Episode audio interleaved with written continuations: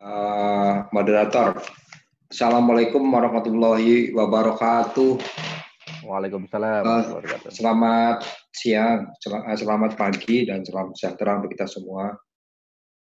Yang terhormat uh, Ibu Endang Setiawati Tohari, Komisi 4 DPR RI, yang banyak uh, bersama petani dan juga perjuangan petani, Bu Musdalifah Mahfud, ya, Deputi Bidang Koordinasi Pangan dan Agribisnis, Kemenko Perekonomian, ini juga banyak uh, selalu membicarakan dan membahas kepentingan-kepentingan petani.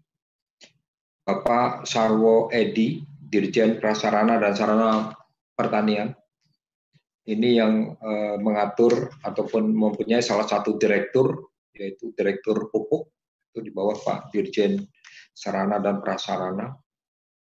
Dan Bapak Aas Asikin Aidat, yang dalam hal ini diwakili oleh Bapak Ahmad Tosin, ya dari Pupuk Indonesia. Terima kasih atas kesediaan dan kehadirannya di webinar eh, KTNA tentang pupuk bersubsidi ini. Pada kesempatan ini perlu saya sampaikan kepada semuanya bahwa tahun 2020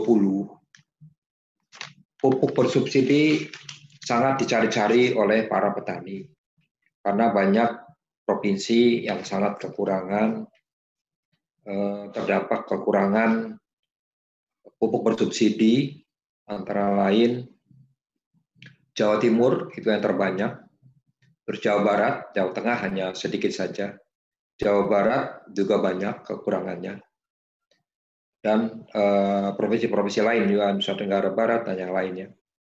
Ini semuanya kekurangan karena uh, pupuk bersubsidi alokasinya berkurang kita lihat tahun 2018 ya.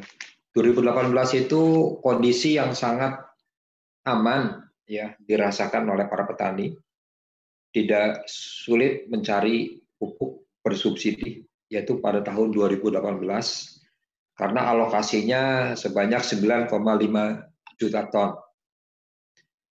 Tahun 2019 sudah agak kurang karena ini berkurang ya hampir eh, satu juta. 2019 dan 2020 lebih kurang lagi tinggal 7,9 juta. Sehingga eh, terjadi kekurangan hampir satu juta bila dibandingkan dengan 2019 apalagi kalau dengan 2018 ini eh, kekurangannya atau perbedaannya 1,6 juta. Ini menyebabkan tahun 2020 ini petani eh, kesulitan mencari pupuk bersubsidi. Sedangkan eh, petani ini di samping untuk petanam padi, jagung, dan juga sebelumnya itu waktu permentan satu petani ikan air tawar di daerah Jawa Timur nggak kebagian pupuk bersubsidi, akhirnya di permentan 10 sudah dapat pupuk bersubsidi hanya satu kali, eh, satu hektar, maaf. Jadi masih tetap kekurangan. Sebenarnya kalau petani ingin berproduksi secara maksimal, pupuknya harus dicukupi.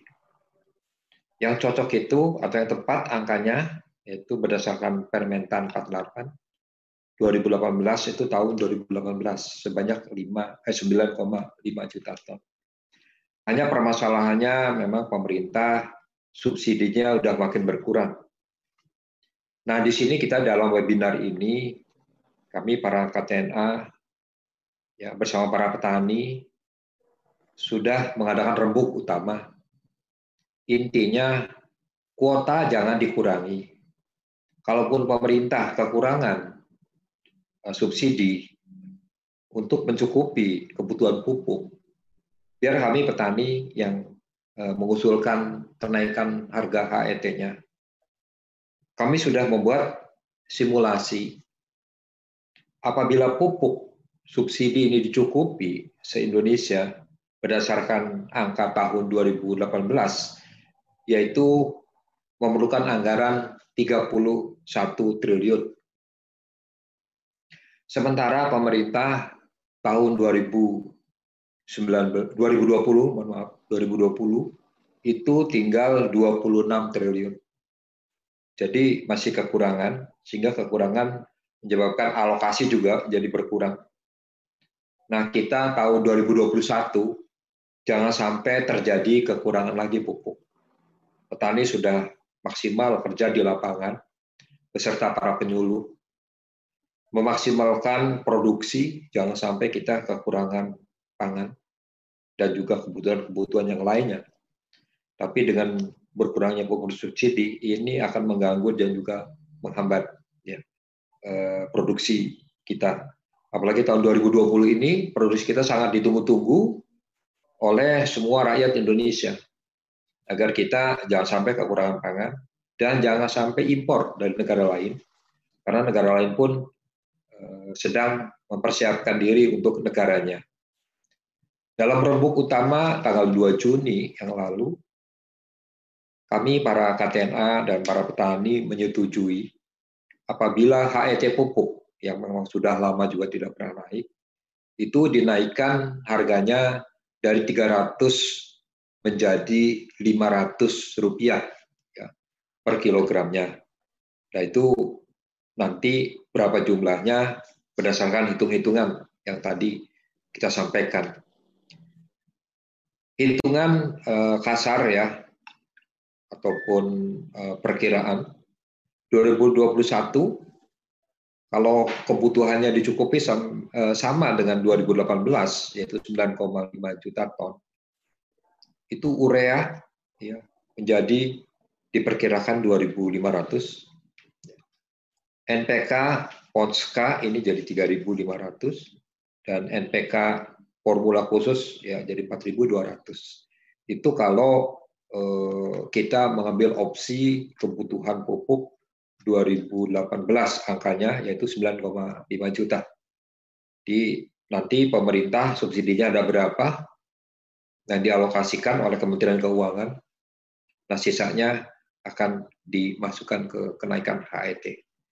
Tapi juga mungkin di tahun 2020 ini ada opsi lain ya karena 2020 ini sedang berjalan dan pupuk kekurangan gitu sebaiknya eh, mengambil opsi-opsi lain apa sekiranya yang bisa diperbaiki atau yang bisa ditata agar pupuk 2020 ini sampai Desember bisa tercukupi.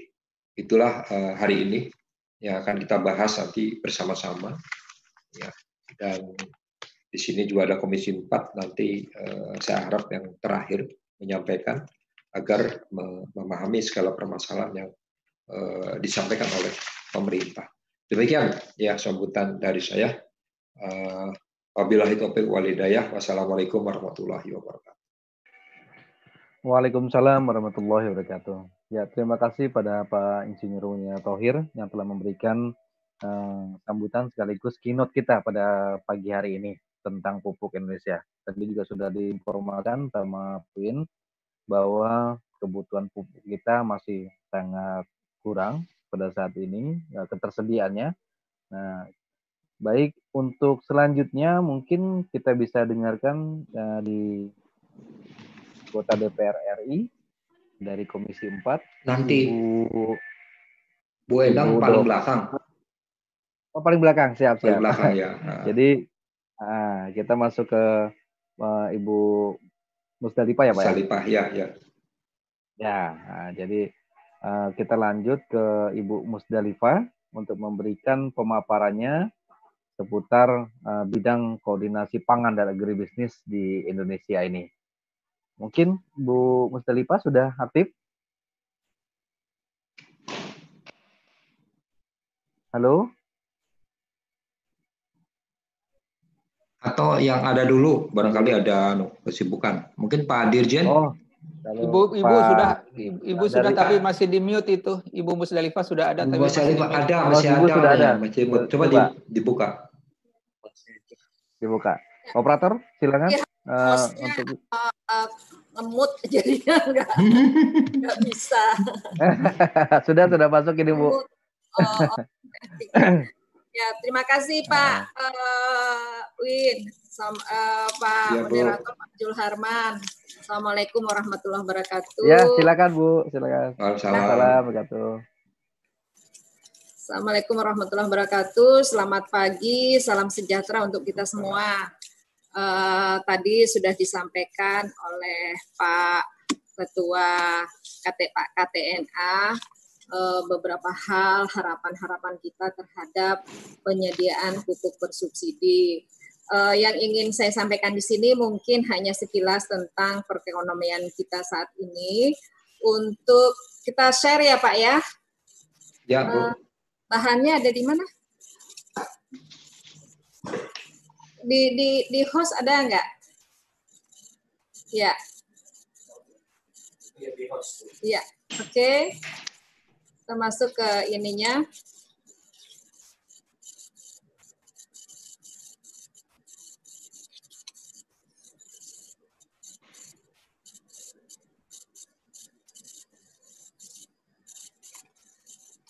Ini Pak, jadi uh, kami uh, bermaksud akan memaparkan bagaimana perkembangan ekonomi kita saat ini dan terkait dengan koordinasi uh, pupuk bersubsidi di kantor Menko Perekonomian.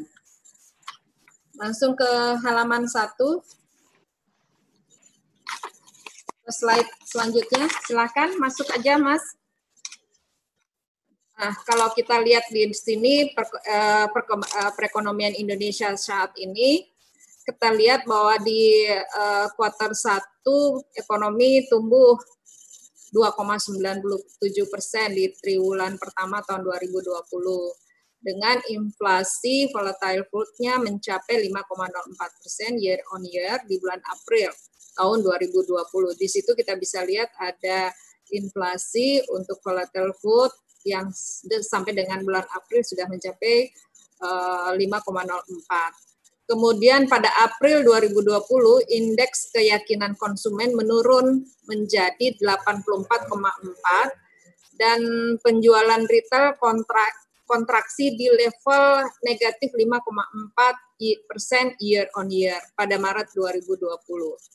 Jadi kelihatan bahwa uh, konsumen uh, turun uh, untuk uh, penjualan retail itu sampai uh, eh, 5,4 persen year on year. Kemudian PMI manufaktur pada April 2020 kontraksi ke level 27,5.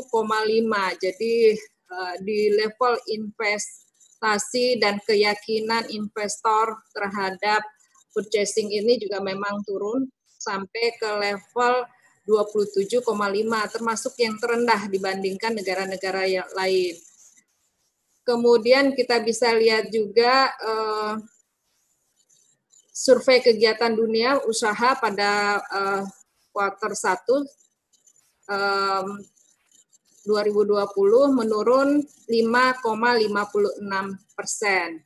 Ini saldo bersih tertimbangnya negatif 5,56 persen cadangan devisa pada April meningkat 1,27 eh, 27,100 kalau tidak salah itu angkanya nggak kelihatan ya. Ada di level 128, 128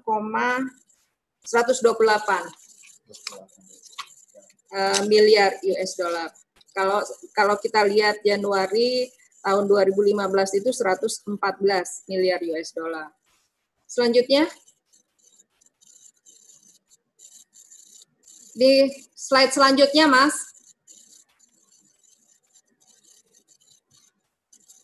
Uh, karena kita fokus ke bahan pangan, uh, bahan makanan mengalami deflasi 0,49 persen untuk bulan Mei tahun 2020. Uh, eh, kemudian inflasi bahan makanan Januari sampai Mei 2020 sebesar 2,15 persen, lebih tinggi dibandingkan tahun 2014 2015, 2016, dan 2017. Kemudian inflasi bahan makanan pada Mei 2020 year on year sebesar 2,51 persen, lebih rendah dibandingkan periode yang sama enam tahun sebelumnya. Kalau yang uh, deflasi 0,49 persen ini dibandingkan bulan lalu, Pak. bulan Mei tahun 2020. Selanjutnya, di slide selanjutnya, Mas. Jadi kita bisa berasumsi perkembangan inflasi cukup uh, bisa stabil uh, di angka yang lebih uh, lebih uh, rendah. Presiden Jokowi saat membuka Musrenbang Nas 2020 menekankan pentingnya menjaga ketahanan pangan, mulai dari produksi hingga distribusi untuk menghadapi ancaman krisis pangan. Untuk itu, program-program yang harus kita jamin, yang pertama adalah untuk ketersediaan pangan, memastikan petani tetap bisa berproduksi. Kemudian menjamin ketersediaan stabilitas harga dan serapan bahan pangan pokok dan selanjutnya kita perlu memastikan pelancaran distribusi. Jadi tiga item ini perlu uh, berjalan dengan optimal untuk kita yakin ketersediaan pangan di negara kita bisa terjamin.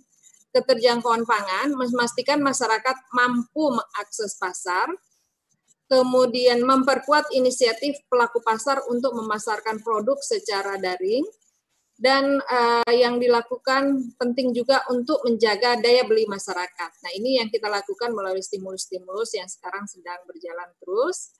Kemudian yang ketiga, keamanan dan kualitas pangan. Penerapan protokol keamanan pangan dan keamanan biologis di sepanjang rantai pasok pangan, optimalisasi pemanfaatan pangan lokal, serta menjaga pemenuhan gizi masyarakat rentan melalui bantuan sosial sembako ini kebijakan-kebijakan pemerintah uh, yang kita uh, lakukan untuk memastikan bahwa dalam masa COVID ini kita bisa uh, menjaga ketersediaan pangan dengan baik. Untuk strategi mendorong produksi pertanian berkelanjutan, selanjutnya Mas, Sejumlah program telah dirumuskan oleh pemerintah sebagai strategi menciptakan lapangan pekerjaan sekaligus untuk mendorong produksi pertanian berkelanjutan. Eh, program-program yang dikembangkan antara lain yang pertama padat karya pertanian, baik melalui gerakan pengendalian OPT, percepatan olah tanah, pengembangan infrastruktur di pedesaan, serta padat karya perkebunan.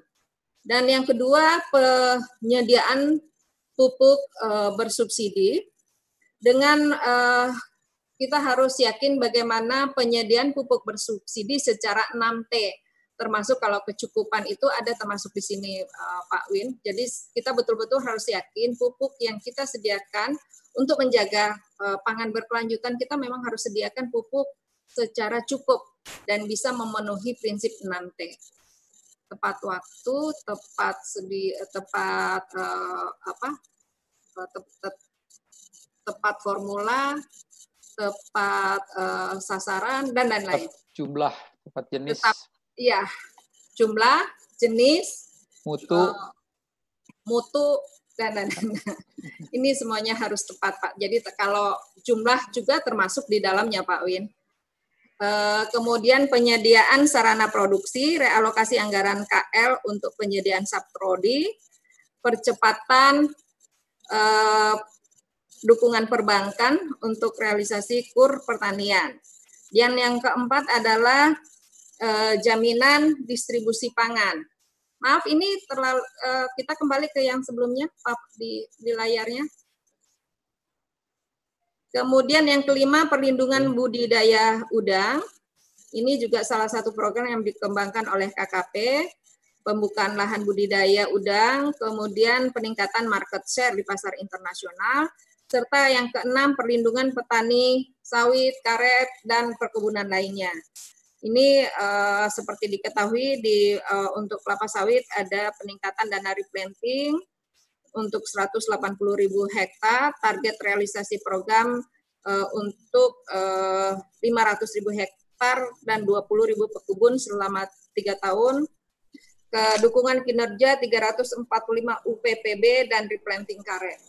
Ini yang saat ini sedang uh, diupayakan percepatan pelaksanaannya untuk dikaitkan dengan pupuk, subsidi pupuk ini diselenggarakan berdasarkan Undang-Undang Nomor 19 Tahun 2013. Kita masuk ke pupuk, Mas. Selanjutnya, slide selanjutnya.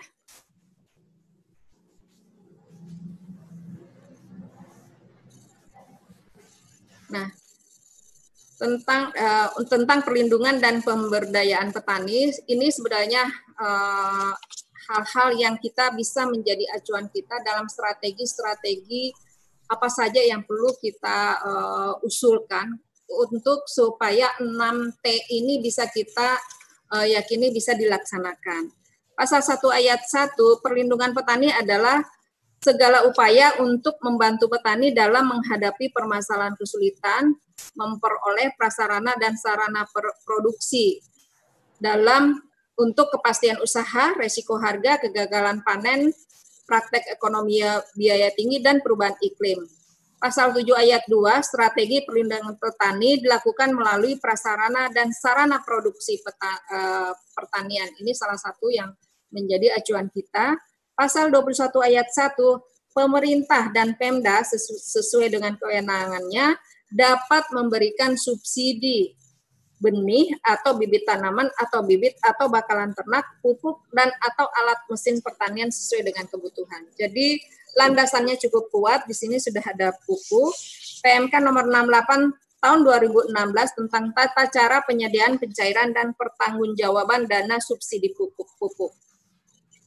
Subsidi pupuk adalah subsidi yang diberikan oleh pemerintah kepada kelompok tani untuk memperoleh pupuk dalam rangka mendukung ketahanan pangan yang besarannya dihitung berdasarkan selisih antara harga pokok penjualan dengan harga eceran tertinggi. Nah, di sinilah mungkin intervensi-intervensi yang tadi sudah diusulkan Pak Inarno dan kami juga sudah menerima usulannya untuk supaya dengan alokasi subsidi yang terbatas, yang semakin terbatas, terbatas dari APBN, tetapi tetap bisa memenuhi kebutuhan pupuk kepada petani-petani yang membutuhkan. Kalau yang tadinya dengan 26 uh, triliun dengan harga 300 bisa memenuhi 9 juta, kemudian kalau dengan diturunkannya 24 eh, triliun, mungkin harga harus naik 600 supaya jumlah alokasi yang dibutuhkan tetap bisa terpenuhi. Ini usulan ini yang perlu kita akan bahas lebih lanjut, lebih technical item dan tentu saja perlu mendapat uh, dukungan dari uh, seluruh pelaku. Siapa yang berhak menerima pupuk bersubsidi? Uh, kalau kita lihat dari sini, untuk uh, yang dapat menerima alokasi uh, pupuk bersubsidi yang memiliki luasan per anggota tani maksimal 2 hektar per musim tanam. Luasan per anggota kelompok tambak maksimal 1 hektar per musim.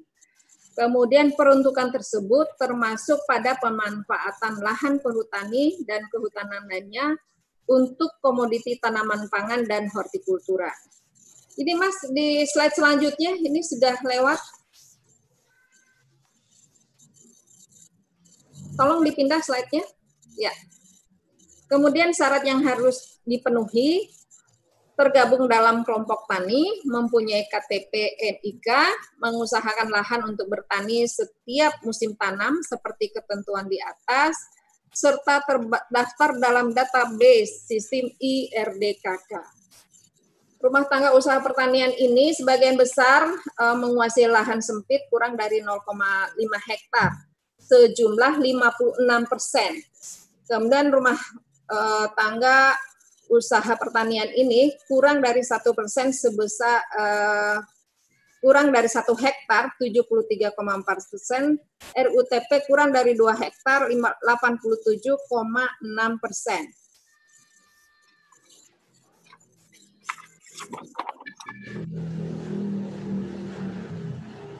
Dari angka-angka yang ada di atas ini, kita bisa mengalokasikan eh, apa eh, sebagian besar ya petani kita menguasai lahan sempit. Kemudian eh, koordinasi antar kementerian yang sudah kami lakukan karena banyaknya stakeholders dalam pelaksanaan pupuk, maka koordinasi yang kita lakukan memang uh, sudah berapa kali uh, berlangsung dan sudah diputuskan dengan uh, keputusan Menko Perekonomian nomor 35 305 tahun 2019 tentang pupuk bersubsidi uh, dan um, salah satunya adalah bagaimana kita bisa melaksanakan uh, percepatan uh, kartu tani.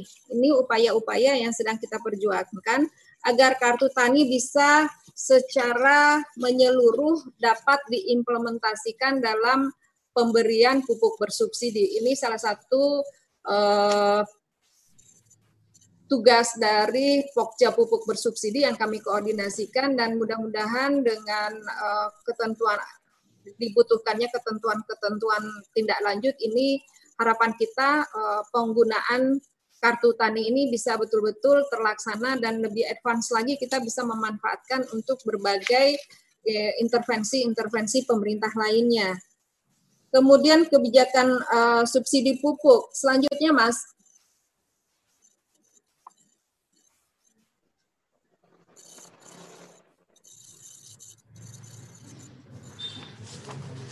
Kebijakan subsidi pupuk. Uh, memang seperti yang disampaikan Pak uh, Ketua tadi, uh, perkembangan subsidi non energi 2015-2019 untuk pupuk tahun 2015 kita lihat alokasi uh, pembiayaan mencapai 31,3 triliun. Dan kemudian APBN 2019 29,5 triliun dan APBN tahun 2020 26 triliun. Sehingga terjadi penurunan alokasi dengan menggunakan angka yang sama, maka penurunan alokasi menjadi 7, sekian juta, 7,78 juta ton. Sehingga hal ini menyebabkan ada beberapa permintaan agar supaya alokasi pupuk bersubsidi, bersubsidi bisa ditingkatkan. Bisa ke, ke slide selanjutnya.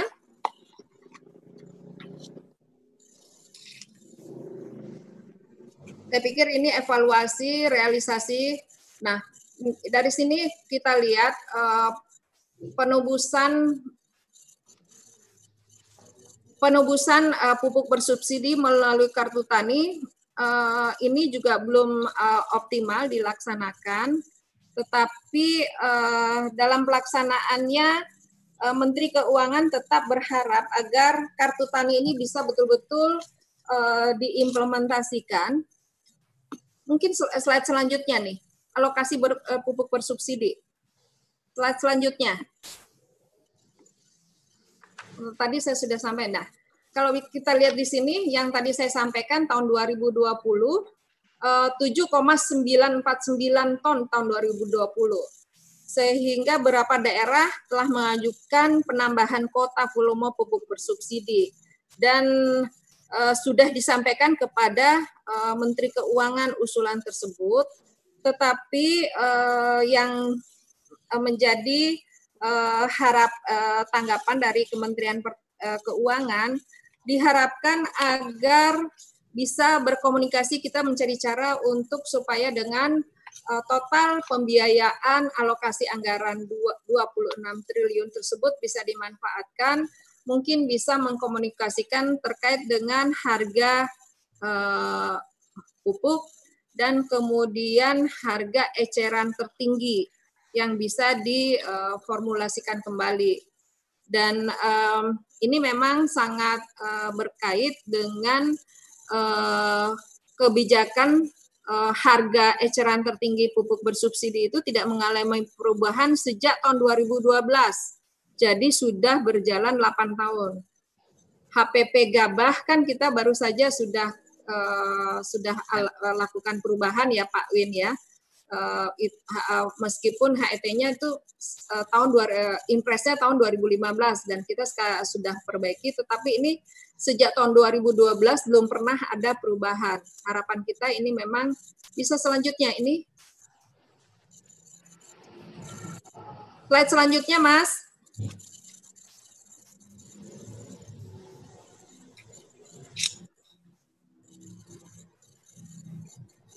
Ya. Nah, ini uh, tidak mengalami perubahan sejak tahun 2012 dan diusulannya agar bisa dilakukan perbaikan kembali uh, apa uh, memformulasikan kembali sesuai yang kita butuhkan dan usulan dari KTNA 300 sampai 500 rupiah uh, peningkatan harga untuk semua jenis pupuk. dengan harapan alokasinya dapat ditambah sesuai yang dibutuhkan. Ini mudah-mudahan setelah uh, webinar ini kita bisa uh, mendiskusikan lebih detail uh, berapa harga eceran tertinggi yang kita yang bisa diterima oleh semua pihak. Kemudian uh, selanjutnya berdasarkan usulan dari Kementerian uh, Keuangan beberapa usulannya antara lain agar uh, mendiskusikan dengan ESDM maupun KL terkait penetapan harga gas bumi yang merupakan komponen utama produksi pupuk bersubsidi dan kita sebenarnya sudah berapa kali diskusi dengan Pupuk Indonesia. Memang harga gas turun tetapi ada uh, apa uh, nilai tukar rupiah yang naik dengan dolar itu juga yang menjadi kontribusi sehingga dampak turunnya harga gas tidak signifikan terhadap Eh, peningkatan alokasi pupuk yang bisa disiapkan. Tapi harap tapi ini tetap kita uh, kita perlu diskusikan seberapa kecil pun perubahan itu sebaiknya kita uh, bisa mem, me, apa, mengkalkulasi dengan baik atau menghitung lagi dengan baik agar supaya tingkat harga pupuk ini bisa di, ada di tingkat waj yang wajar kita sesuaikan dengan harga gas yang berlaku saat ini, kemudian kita sesuaikan dengan nilai tukar, dan kemudian berapa alokasi pupuk bersubsidi yang sebenarnya bisa di, uh, dialokasikan untuk tahun 2020. Sambil kita juga menghitung apabila kita butuh jumlah yang lebih besar untuk tahun 2021, berapa kira-kira usulan uh, perubahan HET untuk pupuk ini yang bisa diterima oleh teman-teman dari berbagai pihak. Hari ini kan kita pada seminar hari webinar ini hadir 305 peserta ya Pak Win. Mudah-mudahan 305 peserta ini kalau ada usulan-usulan yang cukup signifikan mempengaruhi petani dan mempengaruhi banyak pihak bisa dilontarkan tetapi itu belum ada belum diputuskan tetapi bisa menjadi wacana dan usulan bahwa ini sudah dikomunikasikan dengan teman-teman para pelaku pengguna maupun stakeholders dari pupuk uh, dari pupuk bersubsidi ini. 500. Kemudian um, in, uh, mempercepat penggunaan kartu tani ini juga mungkin kita akan diskusikan lebih detail lagi. Kartu tani uh, ini kendalanya di lapangan sebenarnya uh, sejauh mana? Apa yang bisa kita lakukan agar petani betul-betul dapat memanfaatkan uh, apa dapat menggunakan fasilitas kartu tani ini. Karena dengan kartu tani paling tidak uh, data petani bisa lebih detail kita akan tahu ada pasti kemudian bisa uh, apa berbagai isu-isu yang terkait itu bisa lebih teratasi Nah, ini yang harapan kita dengan kartu tani dan kepemilikan lahan jelas, eh, kepemilikan eh, yang menggunakan pupuk juga jelas, eh, datanya tersedia dengan jelas. Ini yang yang sekaligus memperbaiki data IRDKK kita yang yang sudah kita kalkulasi dengan baik. Kemudian rapat Pokja Kebijakan Pupuk Bersubsidi 4 Juni yang lalu uh, akan uh, dan tambahan informasi bahwa subsidi pupuk tahun 2021 informasinya akan turun di kisaran 24 triliun. Tapi nah ini ada Ibu Bu Endang dari DPR mungkin kita bisa dapat informasi yang lebih detail karena semua pembahasan terkait pembiayaan ini juga masuk ke ke sana ya Bu ya, Bu Endang. Uh, mudah-mudahan ya. saya baru mendengar sekilas saja. Mudah-mudahan uh, uh, angka yang pastinya kita bisa bisa dapatkan supaya kita bisa memperkirakan sejak sekarang. Jadi uh, perubahan ataupun kebijakan-kebijakan yang bisa kita siapkan bersama itu siap untuk dilaksanakan tahun 2021 uh, dengan baik. Uh, ini yang saya sampaikan uh, Bapak Ibu di belakangnya ada simulasi-simulasi uh, yang bisa yang mungkin menjadi bahan pertimbangan kita semuanya. Simulasi satu, kalau HPP-nya tetap, HET naik Rp500 per jenis pupuk, alokasi target adalah sesuai usulan 9,2 ton, 2 juta ton. Kemudian apabila HPP turun 10%, HET naik Rp500 per jenis pupuk, maka ini HPP ini kaitannya dengan uh, termasuk harga gas ya Pak ya. 9,2 juta ton bisa uh, teralokasi dengan total anggaran subsidi pupuk 21,21 ,21 triliun. Jika HPP simulasi 3 HPP turun 5 persen, HET naik Rp500, alokasi target adalah sesuai usulan Kementan 9,2 juta ton. Anggaran subsidi pupuk yang diperlukan 23,5 triliun. Dan simulasi 4, jika HPP turun 5 persen, HET naik Rp400, alokasi pupuk yang bisa kita sediakan sama 9,2 juta ton, total anggaran subsidi pupuk yang dibutuhkan 24,496 triliun. Jadi ini simulasi-simulasi yang uh, dibuat oleh teman-teman teknis yang paling mendekati rencana alokasi pupuk pemerintah tahun 2021 simulasi 3 dan 4. Apakah mungkin jika HPP turun 5% ini yang mungkin kita perlu juga nanti masukan dari teman-teman uh, pupuk uh, eh, HPP uh, eh, sejauh mana uh, perubahan harga gas bisa mempengaruhi HPP. Kemudian uh, selanjutnya yang kita ingin uh, ini uh, berapa uh, yang tadi saya sampaikan 6T, saya juga belum hafal-hafal banget, tepat harga, tepat jenis, tepat mutu, tepat jumlah, tepat tempat, tepat waktu. Nah ini dan di uh, untuk uh, penyebar luasan kartu tani ini sudah terbagi di uh, beberapa wilayah dengan penanggung jawab masing-masing BRI, BRI Mandiri dan campuran. Ini kita bisa lihat dari slide ini. Kemudian uh, selanjutnya uh, tentang kartu tani ini kita mungkin langsung saja ya ke ke slide terakhir ya. Tapi kartu tani ini memang yang sudah diharapkan oleh Bapak Presiden Jokowi bisa segera diberlakukan, bahkan dua kali sidang kabinet, April 2015 dan 2016. Dan kemudian beberapa manfaat yang kita yakinkan bisa uh, menjadi uh, kekuatan kita bahwa pupuk bersubsidi ini betul-betul bisa terdistribusi secara 6T dengan beberapa manfaat baik dari kepada petani, pemerintah dan pihak ketiga. Selanjutnya eh, beberapa rencana rancangan-rancangan kita yang sudah kita siapkan bersama.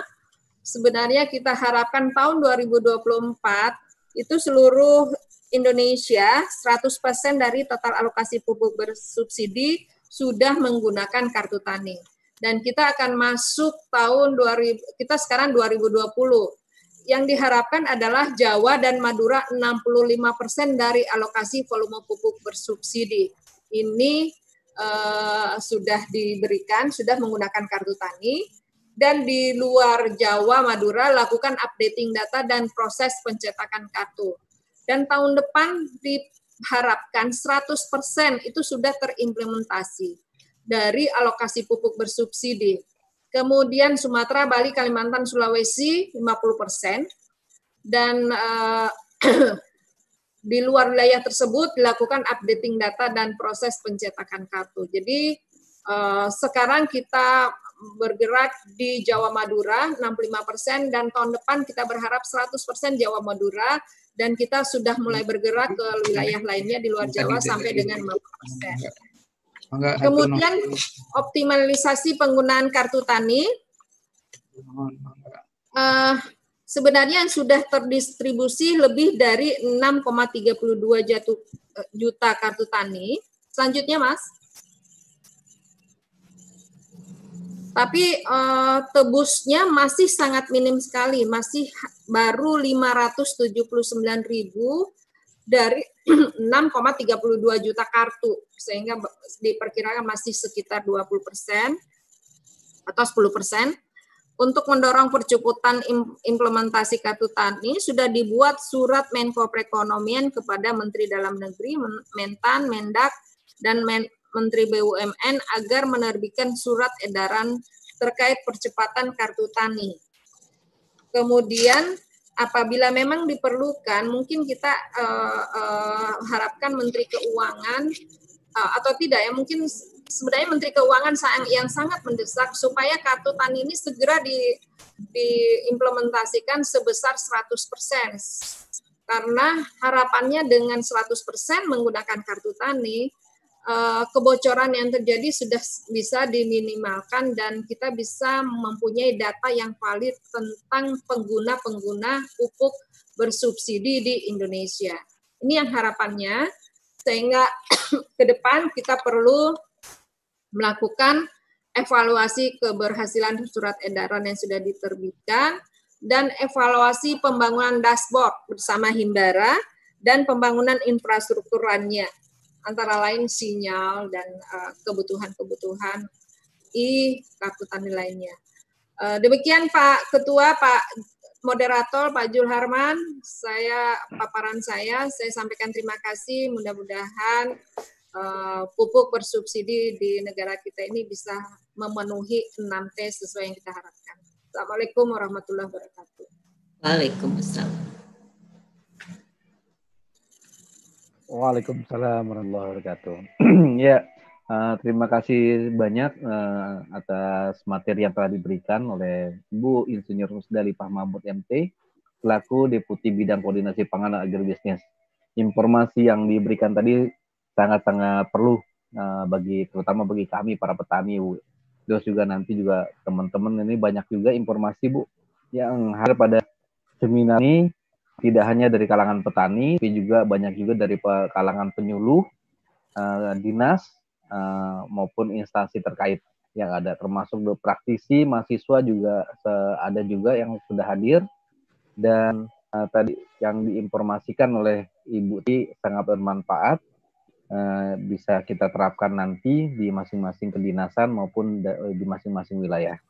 Baik, selanjutnya mungkin setelah kita mendengarkan informasi dari Deputi Bidang Koordinasi Pangan dan Agribisnis dari Menko Perekonomian, mungkin setelah uh, kebijakan dari atas, kita langsung ke kebijakan yang pelaksananya nih, ya, yaitu dari Kementerian Pertanian.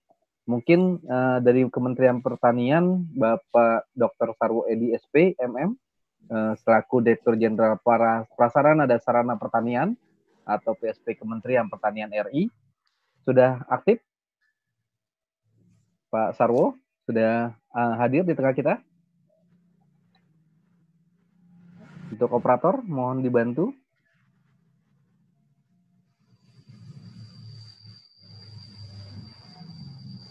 Uh,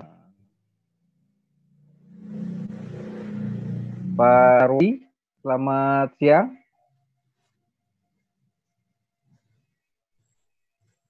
Halo, Assalamualaikum.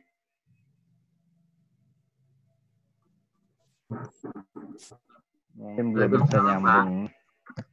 Nah, ini, operator gimana di Sarwo? Iya. Ya. Oh, sudah, sudah uh, sambung Pak Sarwo. Assalamualaikum warahmatullahi wabarakatuh. Ya, ya.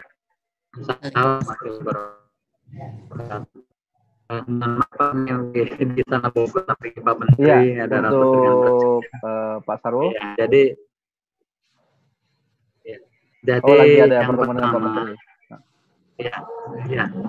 Yang pertama mungkin eh, saya sampaikan. Yang pertama terima kasih atas undangannya di Fitcon ini sehingga kita bisa mempercepat eh, penyelesaian solusi atau solusi untuk mengatasi eh, kekurangan pupuk bersubsidi ya memang tahun berkurang.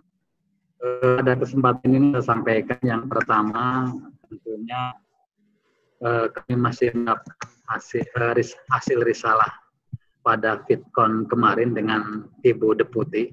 Kami masih menunggu risalah untuk memasukkan uh, pupuk organik cair ke subsidi.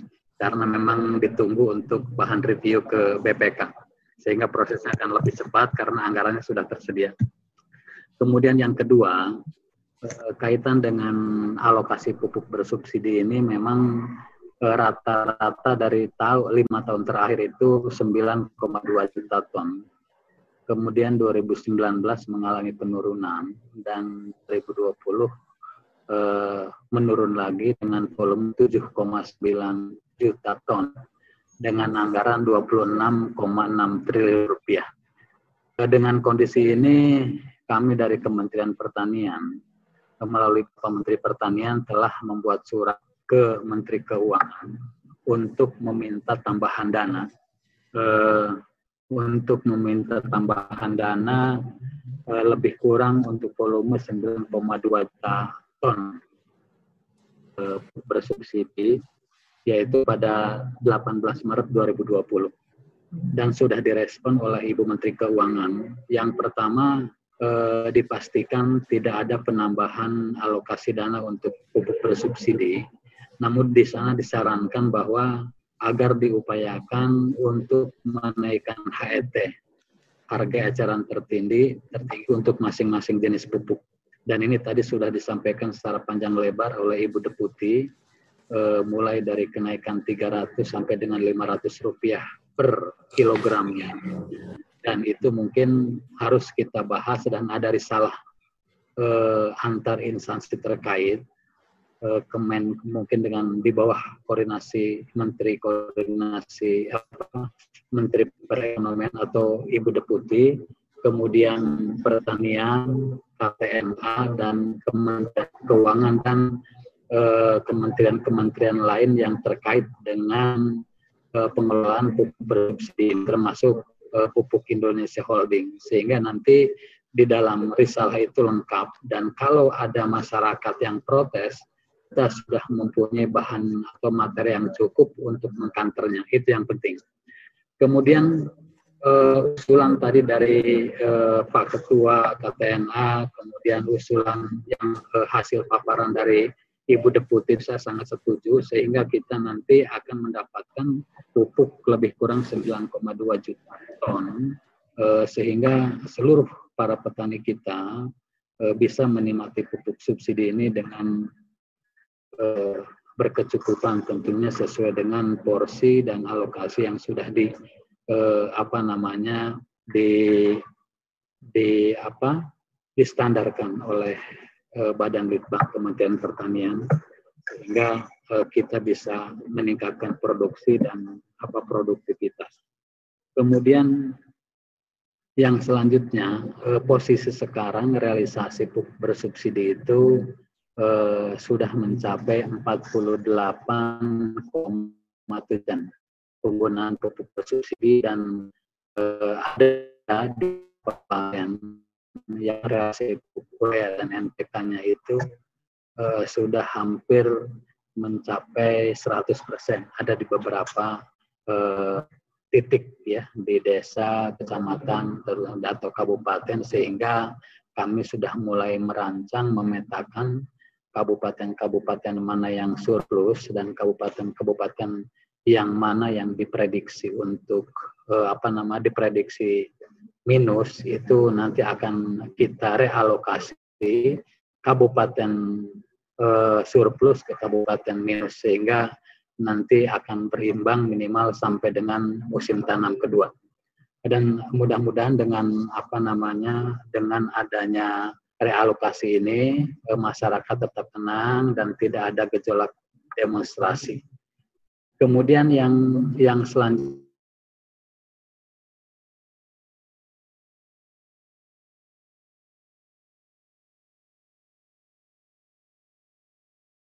Eh, sebetulnya tidak tidak terlalu sulit secara atau oleh petani sepanjang itu ada RDKK-nya, kemudian eh, data petaninya ada, lahannya ada, kemudian mereka sudah masuk ke kelompok tani, itu bisa dibayarkan. Karena di setiap akhir tahun anggaran eh, akan ada audit dari BPK dan kalau memang eh, kelebihan suplai dari pupuk holding, maka pemerintah akan membayar tetap dana bayar. Jadi eh, sehingga eh, kami eh, di Kementerian Pertanian akan mengefektifkan dan memanfaatkan alokasi eh, alokasi eh, pupuk yang sudah ada dengan sebesar 2,6 triliun rupiah ini se sehati-hati mungkin dan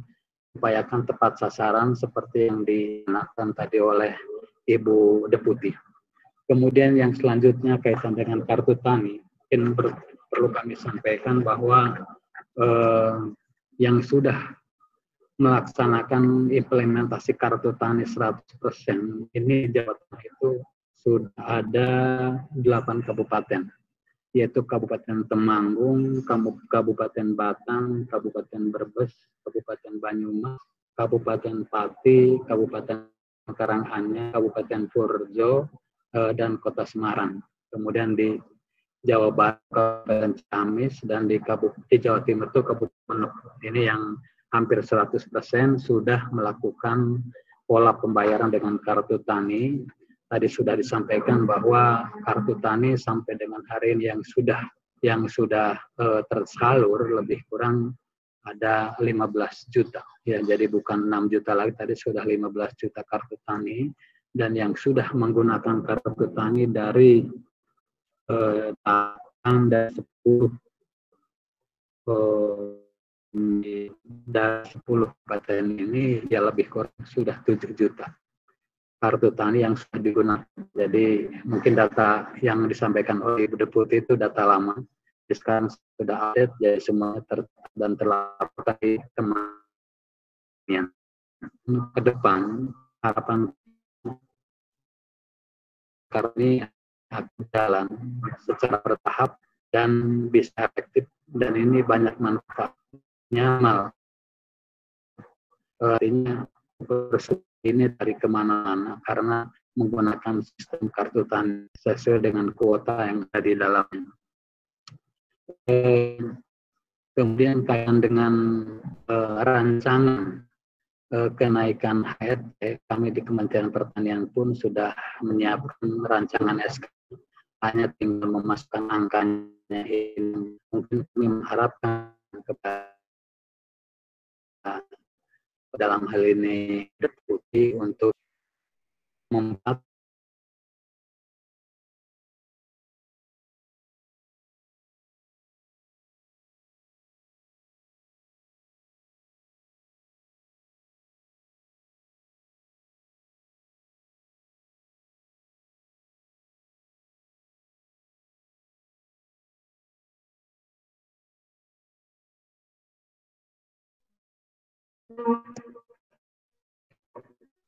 Halo.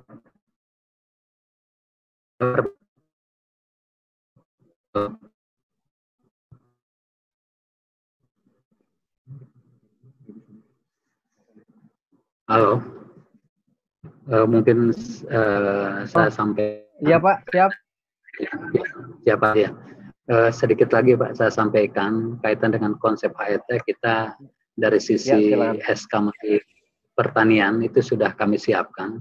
Tinggal mengisi berapa besaran yang akan kita naikkan per jenis pupuk. Inilah yang mungkin kami harapkan ke Menteri Perekonomian untuk segera mengundang instansi-instansi terkait untuk bisa merumuskan e, berapa besarannya tentunya e, yang penting adalah ada masukan dari KTNA e, eh, baik yang ada di tingkat Eh, kecamatan, kabupaten atau provinsi sebagai dasar apabila nanti ada protes-protes dari teman-teman LSM atau petani-petani yang memang uh, tidak setuju dengan kenaikan itu. Jadi kita sudah ada dasarnya minimal itu. Kemudian ada hasil kajian kita uh, berapa pupuk yang dibutuhkan sehingga ketemu angka 9,2 juta ton karena pada prinsipnya para petani berdasarkan hasil kunjungan kami ke sejumlah daerah, para petani itu tidak mempermasalahkan berapa harga pupuk, tapi yang dipermasalahkan adalah ketersediaan pupuk. Jadi berapapun mereka mau beli, asalkan pupuk itu tersedia. Ya tentunya dengan harga yang wajar. Jadi tadi kalau ada usulan kenaikan apa menurunkan HPP 5%, kemudian menaikkan HET di kisaran 400 rupiah per kilogram itu saya pikir bisa bisa kita apa namanya bisa kita lanjutkan dan ini eh, kalau eh, apa feeling saya tidak akan memberatkan petani. Nah demikian perlu kita kaji lebih lanjut. Kemudian yang kedua, Bapak Ibu sekalian, konsep HPP juga sudah kami siapkan, hanya tinggal merasionalisasi komponen apa yang eh, bisa dikurangi dari HPP tersebut karena jumlahnya sangat banyak. Ini eh, saya pelajari itu eh, puluhan komponen bahkan hampir 100 komponen yang harus kita bahas satu persatu dan mungkin komponen-komponen yang apa namanya yang yang kurang ada kaitannya dengan eh, dengan pembuatan pupuk subsidi ya harus kita hilangkan gitu ya. Itu banyak sekali yang saya lihat Eh, banyak hal-hal yang tidak ada kaitannya dengan uh, apa pembuatan pupuk subsidi tadi masuk di komponen HPP ini mungkin yang harus segera kita rasionalisasi sehingga nanti ada penurunan HPP dan ada kenaikan uh, HET sehingga nanti harga pupuk bersubsidi itu betul-betul rasional dan bisa dijangkau oleh para petani. Dan tadi kita juga sudah uh, melihat bahwa eh, anggaran pupuk bersubsidi di 2021 ini akan berkurang menjadi 24 eh, apa triliun rupiah. Sehingga memang kita harus segera mengambil langkah-langkah eh, konstruktif untuk mengatasi eh, pengelolaan dan pemanfaatan pupuk bersubsidi ini sehingga eh, budidaya petani tetap baik dengan profitas yang tinggi tentunya untuk ketahanan pangan di Indonesia. Mungkin itu hal-hal yang dapat kami sampaikan. Eh, lebih kurangnya mohon maaf dan nanti kalau ada hal-hal yang memang eh, belum tuntas diskusikan dan mudah-mudahan kita cepat memberikan jalan keluar. Demikian sekali lagi lebih kurangnya mohon maaf. Wassalamualaikum warahmatullahi wabarakatuh. Ya, waalaikumsalam warahmatullahi wabarakatuh. Terima kasih Masih atas informasinya dari Pak Dr. Saru Edi, SPMM, selaku Direktur Jenderal Prasarana dan Prasarana Pertanian Kementerian Pertanian R.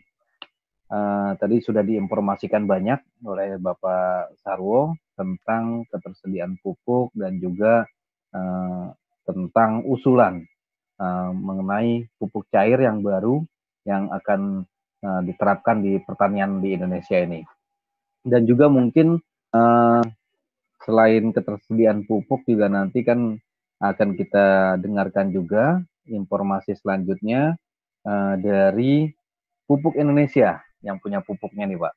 Nah, jadi nah, di sini juga kita sudah ada juga dari pupuk Indonesia untuk memberikan paparan. Nah, sekaligus uh, bagaimana tentang pemasaran sampai ke petani. Kalau tadi sudah kita dengarkan dua kebijakan uh, tentang kebijakan pupuk di Indonesia ini. Dan selanjutnya mungkin kita sudah ada dari pupuk Indonesia dengan uh, Pak Ahmad Tosin. Sudah ya. Ah, siap Pak Tosin. Oke, lanjut Pak Tosin untuk memberikan paparannya. Apakah mau disetelkan video yang dari Pupuk Indonesia dulu apa ya, lanjut dari dulu? Saya nanti sambil jalan aja saya screen share. Baik. Oke, siap-siap Pak. Lanjut silakan Pak Tusin, kami persilakan. Baik. Terima kasih Pak Zulharman selaku moderator. Bismillahirrahmanirrahim. Assalamualaikum warahmatullahi wabarakatuh. Yang terhormat Ibu Endang Estohari dari Komisi 4, kemudian Ibu Musdalifah Mahmud, eh, Kemenko Deputi 2, Pak Dirjen, Pak Sarwo, Pak Winarno sebagai Ketua KTNA, kemudian juga KTNA Provinsi dan Kabupaten, para distributor yang saya lihat juga hadir, serta seluruh hadirin yang berbahagia. Perkenankanlah saya pada kesempatan ini untuk uh, melakukan sharing informasi uh, terkait dengan penyediaan pupuk bersubsidi yang mungkin bisa saya sampaikan seperti ini. on off. Nah, jadi eh, saya akan mencoba untuk eh, menyampaikan kepada kita semua eh, sebetulnya yang terkait dengan pupuk bersubsidi itu khususnya dari domain kami selaku produsen adalah menyediakan pupuk eh, sesuai dengan kebutuhannya. Jadi kebutuhan yang dimaksud di sini memang ada dua versi, kebutuhan yang datang dari petani itu sendiri yang terkumpul secara bottom up yang kemudian uh, diolah ke atas sampai ke kementerian sampai ke DPR serta kebutuhan yang memang sudah ditentukan oleh uh, Kementerian BUMN eh Kementerian Pertanian mohon maaf yang tentu saja tidak bisa memenuhi kebutuhan seluruh yang tadi saya sampaikan yang berasal dari bottom up itu. Ada beberapa uh, faktor yang harus diperhitungkan terutama adalah ketersediaan anggaran itu sendiri. Nah, yang akan kami sampaikan di sini adalah setelah pupuk itu ditetapkan oleh pemerintah oleh DPR, oleh Kementerian Keuangan, Kementerian Pertanian, sehingga jumlahnya menjadi berapa gitu. Jadi kalau sekarang misalnya sebagai contoh jumlahnya yang kita sepakati adalah 7,9 juta. Nah, kami mengetahui sebetulnya jumlah awalnya itu tidak 7,9, banyak sekali. Hanya karena ketersediaan anggaran dan sebagainya, maka ditetapkanlah 7,9. Sebagaimana kita ketahui, dua tahun atau tiga tahun sebelumnya jumlahnya adalah lebih besar lagi, sekitar 9,5 juta. Nah, yang kami ingin share di sini adalah bagaimana uh, kita produsen melakukan agar yang ditetapkan oleh pemerintah itu semuanya dapat tersampaikan kepada petani uh, dengan eh, cara-cara yang setelah ditetapkan sesuai dengan azas 6 tepat yang tadi Pak eh, Ibu Musdalifah juga sampaikan. Baik. Jadi ada dua uh, topik yang ingin saya sampaikan. Ini tidak terlalu banyak sebetulnya pendek saja nanti. Pertama adalah kecukupan versus kebutuhan pupuk bersubsidi dan kedua adalah mengenai stok optimum. Stok optimum ini adalah suatu metode yang kita gunakan semata-mata adalah untuk menunjang agar kebutuhan petani itu bisa tercukupi tepat waktu dan tepat jumlah. Jadi artinya dibutuhkan uh, tersedia pada saat dibutuhkan. Ini ada uh, suatu cara yang kita develop yang memang hanya untuk kebutuhan internal tapi juga diharapkan dapat memenuhi kebutuhan di tingkat petani. Sekarang yang agenda pertama mengenai kecukupan versus kebutuhan pupuk bersubsidi. Jadi eh, di sini kami ingin menjelaskan sebetulnya ada beberapa kemampuan produksi, kesiapan stok, pemenuhan alokasi, dan ketersediaan sesuai dengan anggarannya itu seperti apa, profil satu persatunya. Jadi itu yang akan kita lihat berupa tabel-tabel seperti berikut. Di sini kita lihat contohnya untuk urea sebetulnya di awal tahun kita sudah memiliki 1,6 eh 1,52. Kemudian produksi tahun 2020 itu 7,4 sehingga selama tahun 2020 itu tersedia untuk urea itu 8,9. Kemudian dari Kementerian Pertanian urea itu dibutuhkannya 3,2 sehingga kita masih tersedia untuk non sub adalah sebesar ini. Totalnya adalah 7. Nah, ini pun pada akhir tahun itu masih tersedia 1,6. Itu untuk urea saja plus dengan NPK, plus SP36, ZA, dan organik, sehingga secara total gambarannya adalah seperti ini. Awal tahun kita punya 2,6 juta, produksi sepanjang tahun 12,6 juta, sehingga kita punya barang 15,2 sepanjang tahun.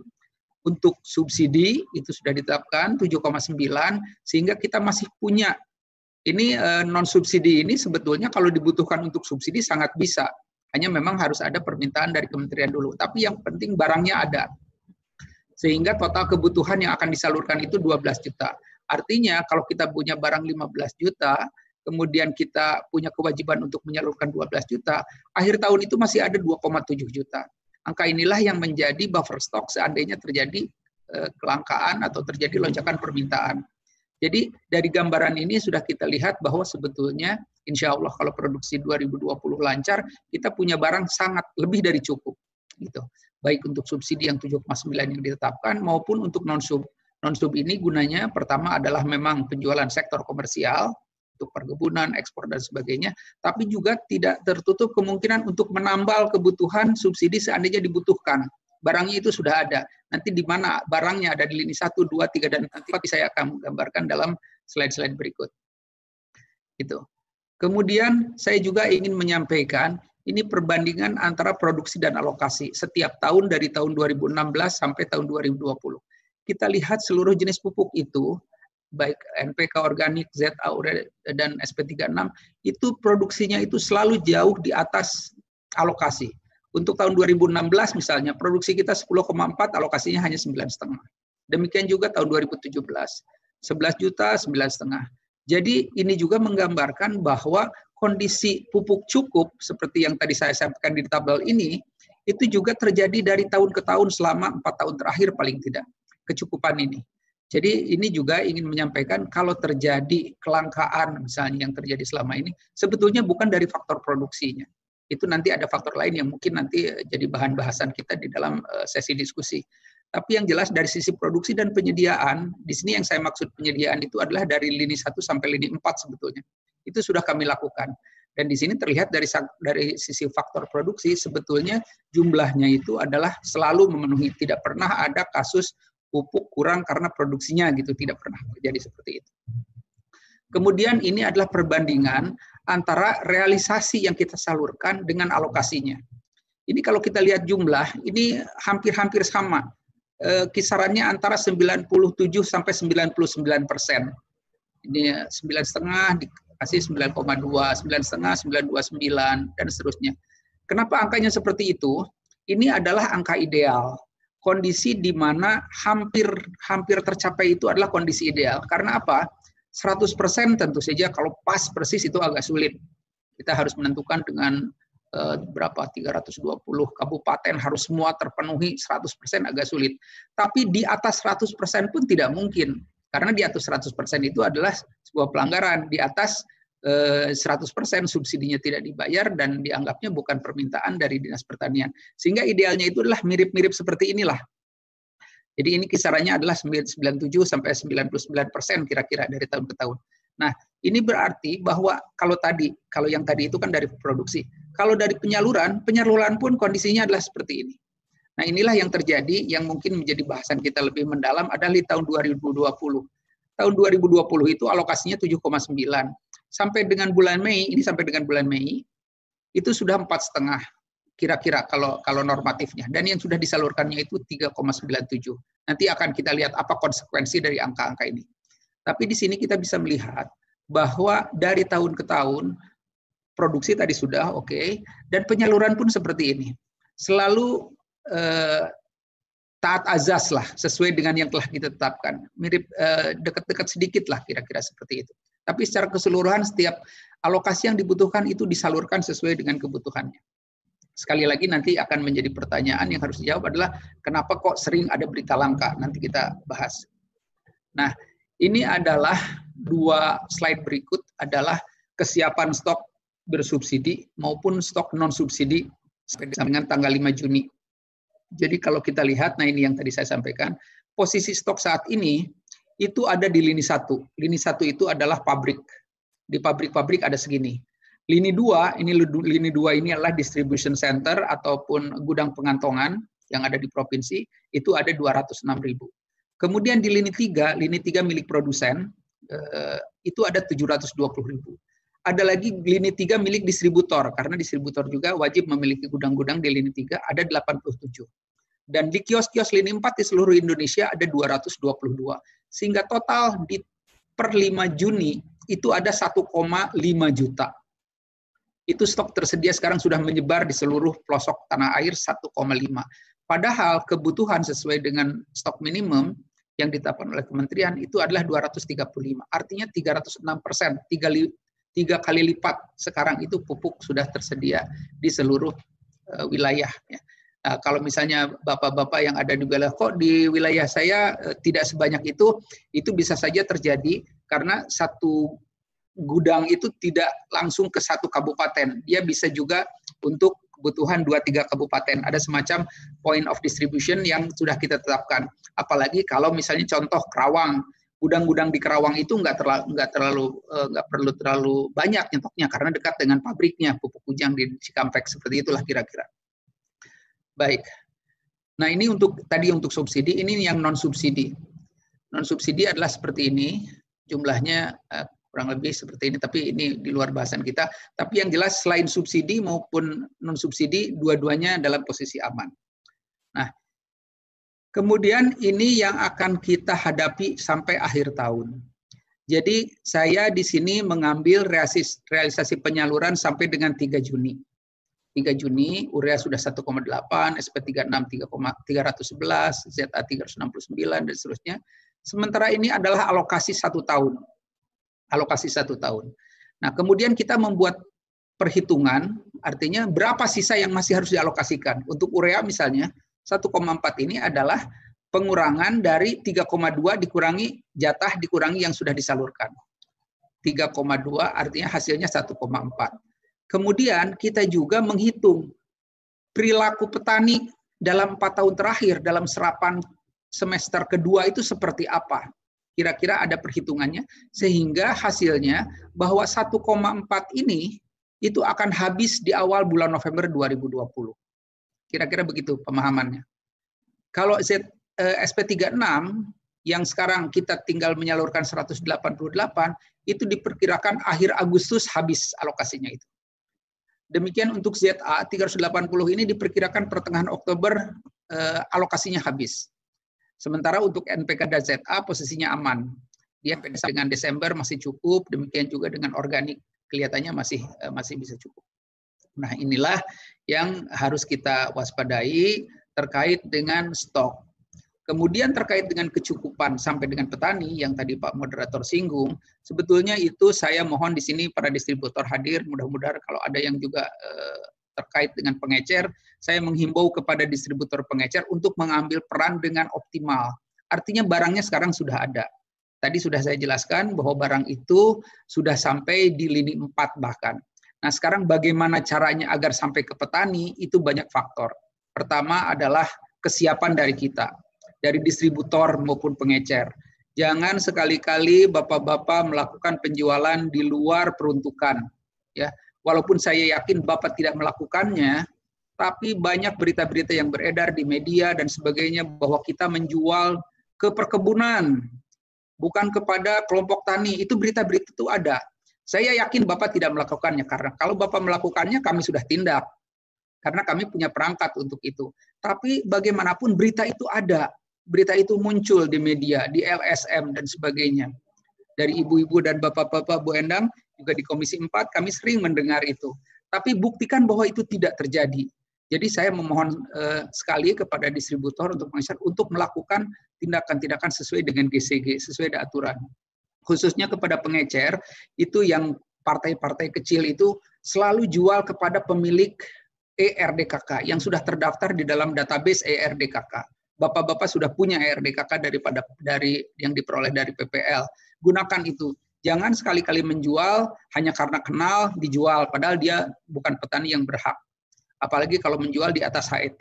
Ya, jadi ini eh, faktor penunjang barang sudah siap, barang sudah jelas ada sesuai dengan peruntukan, tapi begitu satu langkah lagi sampai ke petani, itu terganggu dengan perilaku-perilaku distributor dan pengecer seperti, seperti ini. Jadi ke depan apabila kita sudah melakukan apa, penyaluran sesuai dengan aturan, saya kira apa yang diharapkan oleh petani itu bisa tercapai. Nah itu. Nah sebagai bonus saya ingin menyampaikan ada yang disebut dengan stok optimum. Apa stok optimum itu? Stok optimum itu adalah e, sebuah metode perhitungan yang akan menyebabkan pupuk itu tidak sampai kurang pada saat terjadi lonjakan permintaan. Jadi maksudnya seperti ini. Ini ada studi yang waktu itu kita eh, bekerja sama dengan ITS bahwa sesungguhnya stok optimum itu di tahun 2016 sebetulnya di, eh, alokasi eh, apa studi itu sudah dilakukan bahwa kalau kita hanya mengandalkan kepada stok minimum yaitu sekitar tiga minggu kebutuhan maka banyak terjadi kasus pada saat dibutuhkan walaupun sudah tiga kali dari stok, tapi tetap tidak cukup. Ternyata begitu dihitung-hitung, banyak hal-hal yang tidak kita masukkan di dalam perhitungan tersebut. Di antaranya adalah delivery time.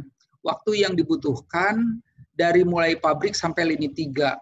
Kadang-kadang ada terjadi hambatan di pelabuhan, kadang-kadang ombak besar sehingga kapal tidak bisa ngangkut, eh, atau juga kemacetan di dalam eh, lalu lintas dan sebagainya, sehingga barang itu tidak cukup uh, waktu untuk sampai ke tempat tujuan.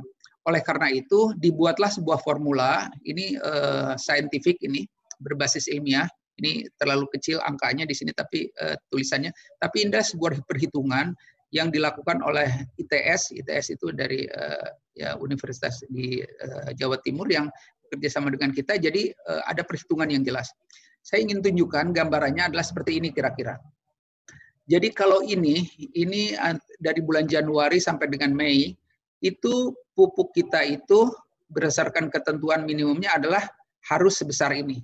Januari 422, Februari 272, dan seterusnya. Sementara yang biru itu stok yang ada di kita. Stok yang ada e, tersimpan, seperti yang tadi saya sampaikan di eh, tabel-tabel awal. Nah, kenapa ini lebih tinggi daripada yang oranye ini? Ini karena kita mengikuti stok optimum. Stok optimum itu adalah yang hijau ini. Jadi tidak berarti bahwa yang biru ini overstock, tapi di sini adalah kita itu menghitung bahwa apabila terjadi lonjakan-lonjakan, kita itu sudah cukup aman. Jadi intinya perhitungan stok optimum itu adalah lebih kepada upaya produsen untuk mengamankan kebutuhan stok di daerah agar tidak terjadi kelangkaan-kelangkaan. Namun sekali lagi saya ingatkan, mohon eh, kalau tidak bosan saya ulang-ulang, bahwa kelangsungan eh, mengenai ketersediaan itu itu tidak hanya didasarkan kepada ketersediaan stok saja, tapi juga perilaku distributor dan pengecer agar bisa mengikuti aturan-aturan yang telah ditetapkan. Nah, itulah kira-kira ibu-ibu, bapak-bapak, para hadirin, eh, Pak Ketua, hal-hal yang bisa saya sampaikan terkait dengan masalah ini dan saya eh, dengan senang hati untuk menerima pertanyaan maupun diskusi terkait dengan apa yang saya sampaikan ini. Demikian, mohon maaf apabila ada kekurangan. Bila taufik wal hidayah. Wassalamualaikum warahmatullahi wabarakatuh. Waalaikumsalam warahmatullahi wabarakatuh. Ya, terima kasih banyak untuk Pak Tosin dari Pupuk Indonesia yang sudah memberikan informasi mengenai tentang uh, bagaimana pendistribusian serta pema, uh, apa, pemasaran di pupuk di Indonesia ini. Dan juga uh, tadi juga sudah disampaikan pada teman-teman. Terus juga uh, ada beberapa informasi juga dari teman-teman bahwa memang ketersediaan pupuk ini uh, yang sudah disampaikan tadi memang selalu meningkat ya Pak. Ya. Betul, memang dari tahun ke tahun kebutuhannya men, ya meningkat terus. Ya mungkin uh, nanti kita akan lanjut diskusi. Sebelum diskusi, nah ini yang paling utama nih Pak. Jadi kita ada uh, narasumber dari Dr. Insinyur Haja Endang Setiawati Tohirin. Tohari, mohon maaf, DSMSC dari anggota Komisi 4 DPR RI. Uh, selamat siang Ibu. Selamat siang Pak, terima kasih. Ya, jadi uh, tadi sudah kita dengarkan Ibu dari ya. kebijakan di tingkat uh, Kemenko, dari tingkat kementerian sampai dengan tadi dari Pupuk Indonesia tentang ketersediaan pupuk. Nah, jadi nanti sebelum kita pembahasan, jadi ibu nih yang mewakili petani, yang mewakili masyarakat untuk masalah pupuk-pupuk yang ada di Indonesia ini. Yang mungkin apa yang sudah disampaikan kemarin-kemarin dari para petani maupun masyarakat di Indonesia tentang pupuk ini bisa terinspirasi dari ibu. Mungkin uh, waktu dan tempat kami persilakan untuk ibu. Baik, terima kasih Pak Julhan. Khususnya Siap. Ibu Mos ini sahabat saya lama. Kemudian Pak Winarno Tohir, teman seperjuangan Pak Sarwo Edi dan juga khususnya Pak Ahmad Tosin. Bagus sekali Pak tadi pemaparannya. Saya betul-betul menghayati dan mengerti permasalahan yang ada. Namun karena tugas saya di Komisi 4 itu sebagai pengawal program dan pengawas, tentu saja di lapangan itu agak berbeda, Pak. Jadi kami sering dapat keluhan dari petani-petani sebetulnya saya sudah membuat beberapa narasi yang agak mirip nanti bisa di di delete atau diteruskan ke yang ke posisi yang lain. Baik, terima kasih. Monggo Mas. Terusnya Mas. Halo. Operator. Nah, jadi eh, kita sebetulnya harus menata kembali, Pak. Jadi karena tadi adanya virus yang menyerang kita tanpa paspor katanya tiba-tiba langsung bergerak di Indonesia ini dan di dunia khususnya tentu saja pangan kita agak terganggu. Langsung langsung aja ke halaman 8 Pak. Karena menyangkut regulasi tadi sudah dijelaskan oleh Ibu Mus yang perlu sekali bahwa kita ini menata ulang karena anggaran di Kementerian Pertanian juga dikuranginya tidak main-main Pak, dikurangi 7 triliun. Jadi anggaran di Kementerian Pertanian yang tadinya 21 triliun sekarang tinggal 14 triliun. Nah, tentu saja ini akan merubah tatanan program kita. Nah, belum lagi kalau kita dikaitkan dengan pupuk ini kan dalam kaitannya untuk menunjang ketahanan pangan. Nah, tentu saja eksportir eh, dari negara lain yang kita import, misalnya dari Vietnam, juga akan mengurangi ekspornya. Kemudian juga aktivitas kita, Pak. Aktivitas kita selalu terbatasi dengan adanya COVID-19 ini.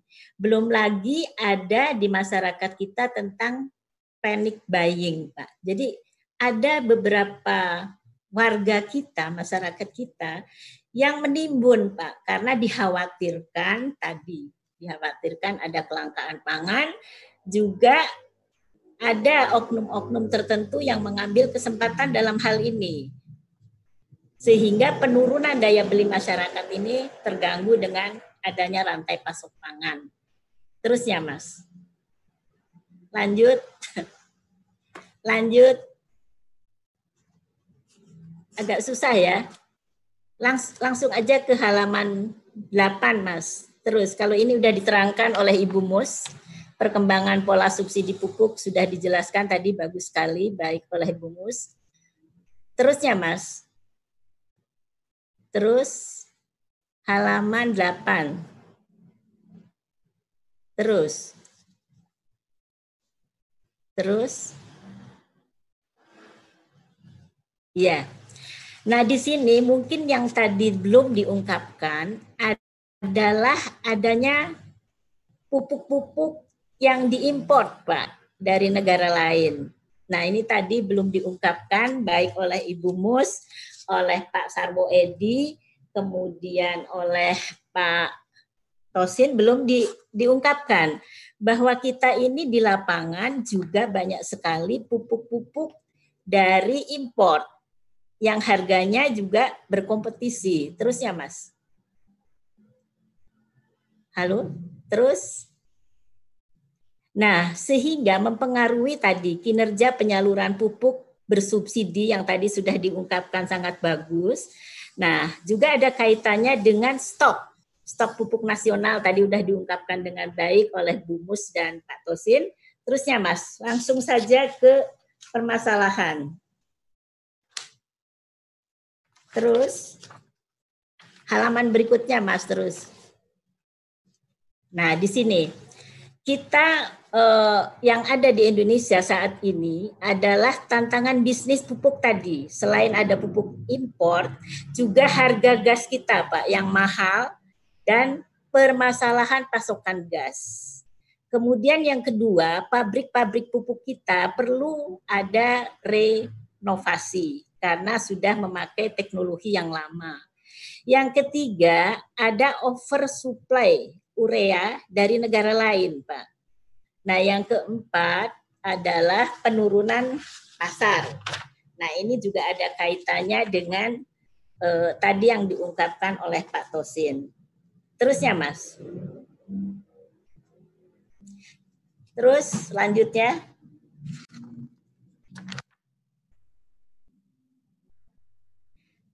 Halaman 8, Mas. Sebelum ini.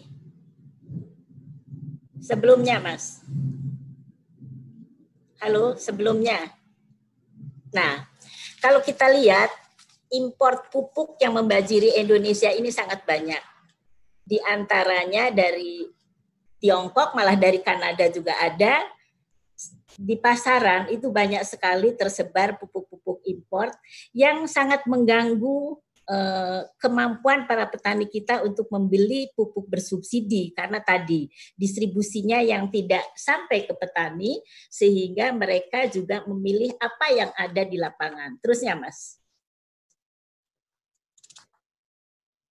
Halo, lanjutnya.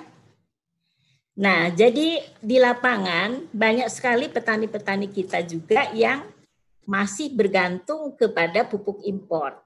Nah, ini mungkin jadi PR kita bersama bahwa pupuk eh, badan usaha BUMN kita ini harus mulai menata ulang. Nah, di sini juga diakui oleh eh, oleh Kepala Corporate Communication PT Pupuk Indonesia, Pak Wijaya Laksana, kami sudah diskusi banyak bahwa memang ada pupuk-pupuk impor yang diperebutkan di pasar oleh para petani kita. Nah, ini juga sebagai PR kita bersama khususnya kepada Pak Direktur Pupuk ini. Semoga bisa mengantisipasi bagaimana formula-formula pupuk yang tadi dikatakan oleh Ibu Mus dan Pak Sarwo Edi juga Pak eh, Winarno enam tepat ini kan perlu ada pendampingan dari para penyuluh dan dari para eh, penyuluh itu petani kita jadi eh, KTNA KTNA kita yang ada di pedesaan juga harus ikut mengawasi Pak karena banyak sekali kita diributkan tadi oleh adanya pupuk-pupuk impor Terusnya, Mas. Terus langsung halaman berikutnya.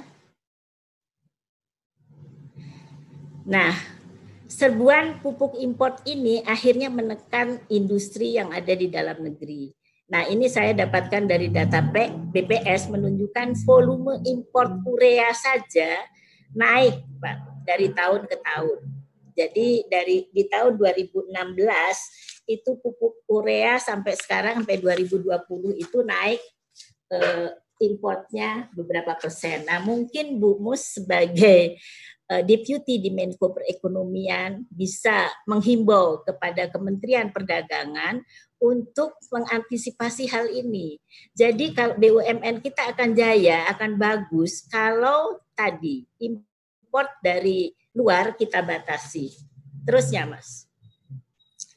Nah, di sini lanjut halaman berikutnya. Terusnya, Mas. Terus terus ke halaman berikutnya tentang rekomendasi sinergi bersama. Ya, sebelumnya saya mengungkapkan dulu bahwa tadi yang dikatakan oleh Pak Tosin itu betak, betul. Tapi sayangnya Pak, distribusi rantainya ini terlalu panjang. Yang kedua, RDKK yang dibuat oleh petani kita itu banyak sekali dimanipulasi oleh oknum-oknum tertentu sehingga pupuk subsidi yang dinikmati petani ini tidak dinikmati petani yang kita harapkan, yang lahannya kurang dari setengah hektar. Kemudian tadi ada dualisme harga pupuk antara subsidi dan non subsidi. Walaupun tadi Pak Winarno sudah mengusulkan untuk HET dinaikkan, saya setuju sekali Pak. Tapi tadi kita kan sasarannya sesuai dengan harapan kita semua bersama bahwa pupuk ini mudah didapat dan murah harganya. Bisa terjangkau lah, bukan murah. Yang ketiga adalah yang keempat ini Pak, kelangkaan pupuk. Nah, ini karena tadi distribusinya agak kurang bagus sehingga rantai distribusinya terlalu panjang sehingga di masyarakat ini pas musim tanam pupuknya tidak ada, Pak. Sehingga yang diambil, yang dibeli adalah pupuk-pupuk yang import yang yang sudah beredar di masyarakat. Yang berikutnya adalah pengoplosan pupuk subsidi dan non subsidi. Nah, ini bapak-bapak yang di birokrat mungkin tidak mengetahui, tapi petani-petani kita banyak yang ter e, yang mengalami kendala ini, Pak, karena adanya pupuk subsidi dan non subsidi yang diupload tadi. Kemudian pemalsuan pupuk bersubsidi, Pak. Malah warnanya aja sering dipalsukan. Nah, ini di sini saya ingin mengajak KTNA dan kita semua harus ada pengawasan, Pak. Nah, jadi tadi Pak Sarwo Edi sudah menjelaskan bahwa pengawasan itu eh, akan ditindaklanjuti, tapi tadi kita harus ada pengawasan dari eh, teman-teman kita di KTNA juga. Jangan sampai hanya dari pegawai-pegawai yang ditentukan oleh para birokrat kita. Nah, yang berikutnya adalah pemalsuan kuota pupuk, Pak. Ini sering terjadi tadi walaupun Pak Tosin sudah menyarankan sampai ke lini yang keempat, tapi kenyataannya Pak banyak sekali kuota-kuota pupuk ini disalahgunakan. Kemudian kartu tani Pak. Jadi kartu tani ini sebetulnya idenya bagus, tapi sangat disayangkan petani-petani kita yang sudah sepuh ini Pak sangat sulit. Belum lagi tadi Bu Mus sudah menjelaskan tentang sinyal kami di Bogor saja, Pak, yang dekat dengan, Jakarta, sinyal ini sangat mempengaruhi sehingga informasi-informasi apalagi dengan PIN dan eh, password misalnya di kartu tani ini sangat mengganggu dan mempengaruhi eh, kredibilitas dari petani-petani kita yang biasanya mudah mengakses, Pak, dengan Eh, tanpa kartu tani. Nah ini juga perlu ada pendampingan, penyuluhan, dan juga training-training. Lanjut Pak. Terusnya Pak. Nah kemudian tantangan berikutnya yaitu kondisi saat ini sangat terbatasnya bahan baku bagi industri ya Pak. Sehingga kita semua sangat terkendala. Walaupun mungkin dari Pak Tosin tadi menjelaskan bahwa penetapan eh, alokasi kuota pupuk ini sudah real sudah sesuai dengan yang diusulkan, tapi pada kenyataannya di lapangan itu tidak demikian, Pak. Kemudian juga ada beberapa hal yang perlu kita sikapi bersama bahwa eh, antara kementerian dan BPS itu datanya belum sinkron, Pak. Nah, ini perlu jadi perhatian kita bersama juga bahwa data-data itu harusnya disinkronisasi dulu apa yang ada di Kementerian Pertanian, kemudian di BPS. Kalau Bu Mus tadi me, me, merekomendasikan semuanya dari data-data BPS, tapi dari Kementerian Pertanian agak berbeda. Nah, mudah-mudahan dengan pertemuan ini data-data dan petani ini bisa akurat, Pak. Terusnya, Mas. Lanjut. Kemudian, Pak, jadi eh, saya di sini sebetulnya tidak mewakili Komisi 4, Pak.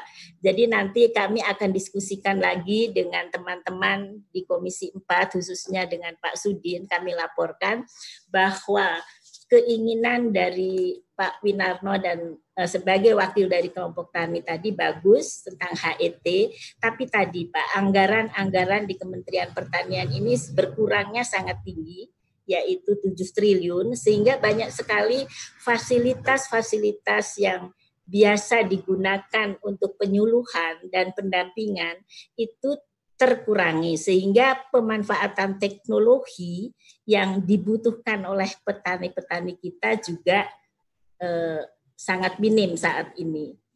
Kemudian terusnya Mas, terus aja langsung ke rekomendasi ya. Jadi kami merekomendasikan Pak bahwa penyaluran tepat waktu dan tepat sasaran itu sebaiknya harus ada sinergi antara Kementerian Pertanian, terutama tentang data tadi Pak, dengan eh, penyalur pupuk. Karena tujuannya kan kita meningkatkan produksi. Jadi kita khawatir, khawatirkan Pak kalau di lapangan tadi tidak mudah ditemukan pupuk-pupuk bersubsidi, maka teman-teman petani kita ini juga mengalami kesulitan. Kemudian jadwal tanam, Pak. Jadwal tanam ini selalu berbeda, jadi kami sempat sidak ke Sulawesi Barat, Pak. Di sana ternyata, eh Kalimantan Barat maaf, di sana ternyata pada waktu musim tanam tidak ada pupuknya Pak. Nah kemudian kita harapkan juga ada satgas pengawasan dari kita sendiri Pak, dari para petani. Jadi kalau me, kita meyak, hanya mengandalkan dari pemerintah itu sulit Pak karena tadi apalagi anggarannya dikurangi.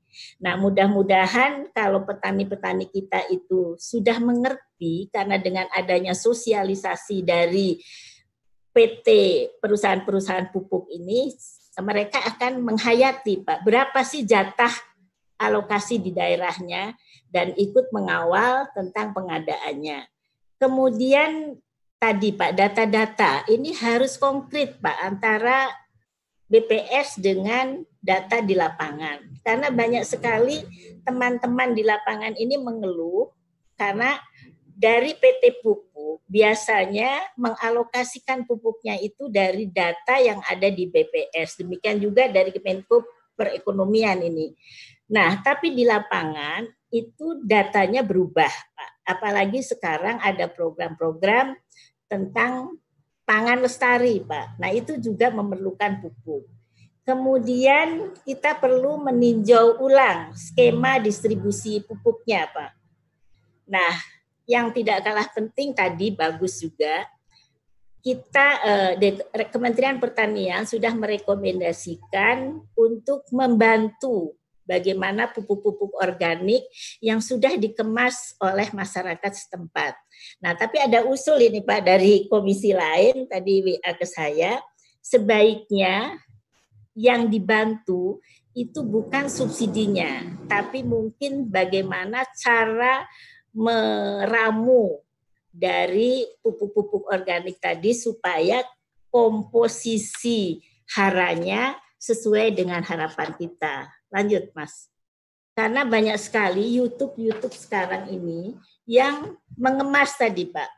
Dari pupuk hayati organik, kemudian menjadi pupuk kompos, kemudian dari sisa-sisa rumah tangga. Ini bagus sekali sebetulnya. Malah dari Kementerian LHK juga membantu program ini. Nah, kalau ada sinerginitas dari beberapa kementerian, tentu petani-petani kita ini akan tertolong. Nah, kemudian Berikutnya Mas, tantangan dan usulan langkah kita bagi penya, pengamanan penyaluran pupuk bersubsidi ini memang tadi sudah diusulkan dan Bumu sudah setuju kayaknya kami nanti diskusikan lagi dan kami konsultasikan kepada Ketua Komisi 4 tentu saja bagaimana meningkatkan eh, anggaran untuk pupuk ini. Nah, tapi tadi Pak, dengan harapan kebutuhan di petani ini teralokasi dengan baik. Kemudian juga eh, jangan sampai ada kecolongan istilahnya Pak. Kecolongan itu biasanya pupuk bersubsidi dan tidak bersubsidi itu eh, dicampur, dicampur kemudian ditentukan dengan harga lain. Nah ini kepada pengecer-pengecer juga diminta kesadarannya. Nah, berikutnya Pak, ada ketentuan dari Kementerian Kementerian Perdagangan ini tahun 2013 untuk mendorong perusahaan-perusahaan pupuk itu menyiapkan stok pupuk bersubsidinya paling sedikit untuk kebutuhan dua minggu ke depan, Pak. Kenapa? Karena kita sering menginstruksikan untuk tadi tepat tanam, tepat waktu tanam, tapi pupuknya tidak ada, Pak. Nah, tadi kan yang di, dijelaskan hanya enam enam tepat itu tidak termasuk pupuknya ada atau tidak, Pak. Nah, kemudian Kementerian Pertanian juga diminta menyiapkan stok kebutuhan pupuk bersubsidi itu dua bulan ke depan. Jadi perencanaannya itu harus jelas, Pak.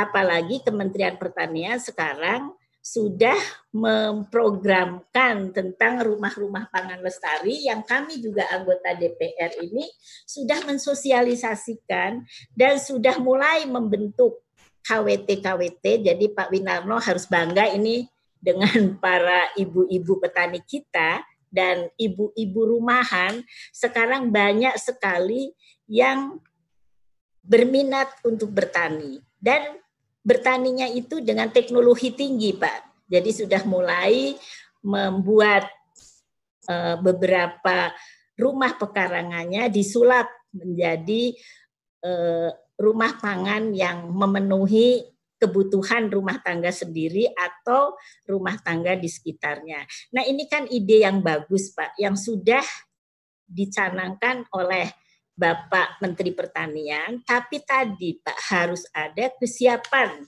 dari PT Pupuk juga untuk menyediakan pupuknya tepat waktu tadi. Nah, berikutnya Pak, kami ingin juga menghimbau kepada Menteri Pertanian nih khususnya kepada Kementerian Pertanian dengan adanya uh, sinerginitas antara pusat dan daerah itu sebaiknya ditingkatkan. Apalagi sekarang ini ada dana-dana desa, Pak, yang belum digali. Kebanyakan dana de, dana desa ini walaupun tidak termasuk dalam komisi kami, Pak, tapi kami melihat di desa-desa banyak sekali teman-teman kepala desa yang menerima anggaran begitu tinggi dari 800 juta sampai 1 M. Nah, alangkah baiknya kalau disisihkan sedikit saja Pak untuk menghadapi krisis pangan kita dengan membuat pupuk-pupuk organik yang berkualitas tentu saja perlu bimbingan dari penyuluh-penyuluh dari Kementerian Pertanian. Nah, demikian Bapak dan Ibu sekalian, mudah-mudahan nanti dalam diskusi bisa kita tambahkan informasi-informasi yang lain dan semoga pangan kita ini akan tercukupi karena kita bahaya juga Pak dengan COVID-19 ini ternyata kehadiran pangan kita di tengah-tengah masyarakat, walaupun tadi dikatakan eh, oleh Ibu Mus tidak masalah, tapi sebetulnya sekarang masalahnya cukup besar, Pak. Jadi untung saja kami dibantu oleh Kementerian Pertanian dan Kementerian KHP membagikan beberapa paket sumbangan untuk para petani kita dan setelah saya lihat Pak, saya juga sedih dan ingin nangis Pak petani-petani kita ini banyak yang hasil panennya tidak bisa dibeli masyarakat dan akhirnya busuk, Pak. Busuk bisa dibuat sampah, tapi mereka kan rugi dalam kurun waktu tertentu untuk produksinya. Nah, untuk itu saya himbau kepada Ibu Mus untuk mengulang kembali, menata kembali bagaimana program-program di sektor pertanian ini supaya ketahanan pangan kita ini kembali uh, seperti dulu lagi. Karena seperti kita ketahui dulu KTNA kita aja bisa menyumbang satu juta ton beras ya Pak Winarno untuk negara Afrika yang sedang kelaparan. Malah sekarang kita sedang mulai mengimpor beras. Dan kebetulan waktu tahun 86 saya ikut menerjemahkan Pak Harto bagaimana Pak Harto mendapat penghargaan dari FAO tentang swasembada pangan ini. Demikian Ibu dan Bapak sekalian, mudah-mudahan Eh, sekilas ulasan saya ini menambah inspirasi Bapak Ibu untuk meningkatkan hasil-hasil pertanian kita melalui pupuk bersubsidi. Bila taufik hidayah, wassalamualaikum warahmatullahi wabarakatuh. Dan mohon maaf bila ada kekeliruan dalam mengungkapkan. Waalaikumsalam warahmatullahi wabarakatuh. Terima kasih banyak Dr. Haja Endang yang sudah memberikan informasi dan juga banyak Bu usulan-usulannya sepertinya sudah tertampung semua dari petani nih. Dari Ibu judulnya. Iya, jadi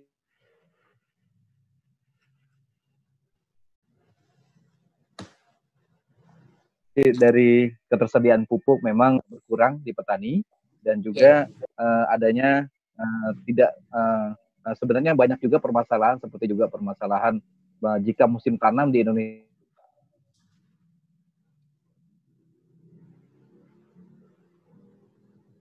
ini kan tidak merata. Nah, sedangkan pupuk yeah. seperti itu juga.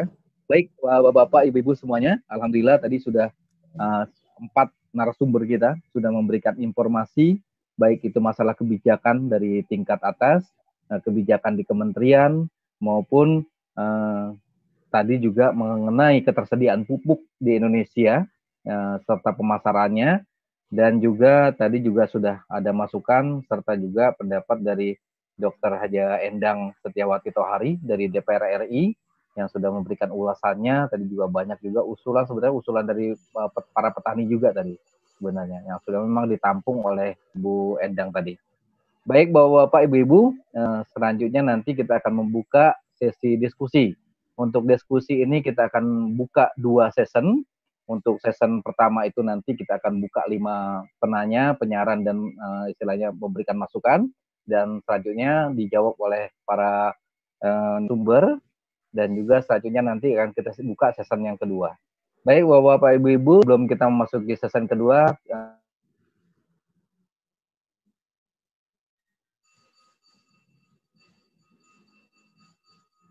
Eh, kami persilakan untuk operator untuk menayangkan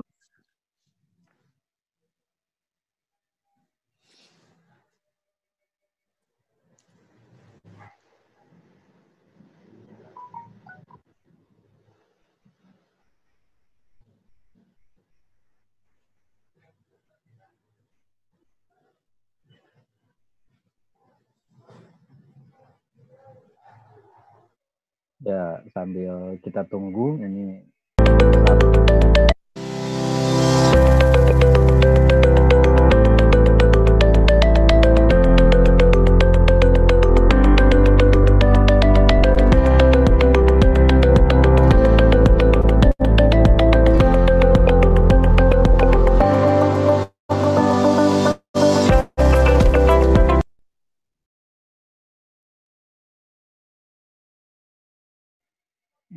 baik. Uh, Alhamdulillah uh, kita sudah kembali lagi ke acara untuk seminar web kita. Baik, Bapak-bapak, Ibu-ibu, untuk kegiatan ini kami informasikan lagi untuk yang diselenggarakan oleh KTNA Nasional dan juga didukung oleh Pupuk Indonesia serta uh, untuk pelaksana tenis uh, didukung pula oleh PT Veraku. Baik, Bapak-bapak, Ibu-ibu, kami akan buka untuk sesi penanya, penyaran, serta memberikan masukan kepada para narasumber untuk sesi yang pertama. Mungkin di sana sudah ada Bapak Suyanto dari Jawa Timur. Bapak Suyanto sudah bisa ngeling? Ya. Assalamualaikum. Pak Suyanto sudah ya? Ya, kebetulan Pak Suyanto ini Ketua KTNA ya, ya. Provinsi Jawa Timur. Ah, jadi Pak, jadi di Jawa Timur ini dari data yang tadi sudah diinformasikan hampir separuh pupuk subsidi ini menghilang dari uh, usulan kegiatan. Baik, kami persilakan Pak Suyanto untuk memberikan masukan, usulan dan sarannya. Silakan. Uh, terima kasih moderator. Assalamualaikum warahmatullahi wabarakatuh. Uh, yang saya hormati uh, Ketua Umum KTN Nasional beserta seluruh pengurus, juga yang saya hormati Ibu Musdalifah, yang saya hormati Bu Endang, kemudian dari Pupuk Indonesia Pak Toksin. Uh, mungkin untuk ada beberapa hal yang perlu saya sampaikan, terutama kondisi di Jawa Timur.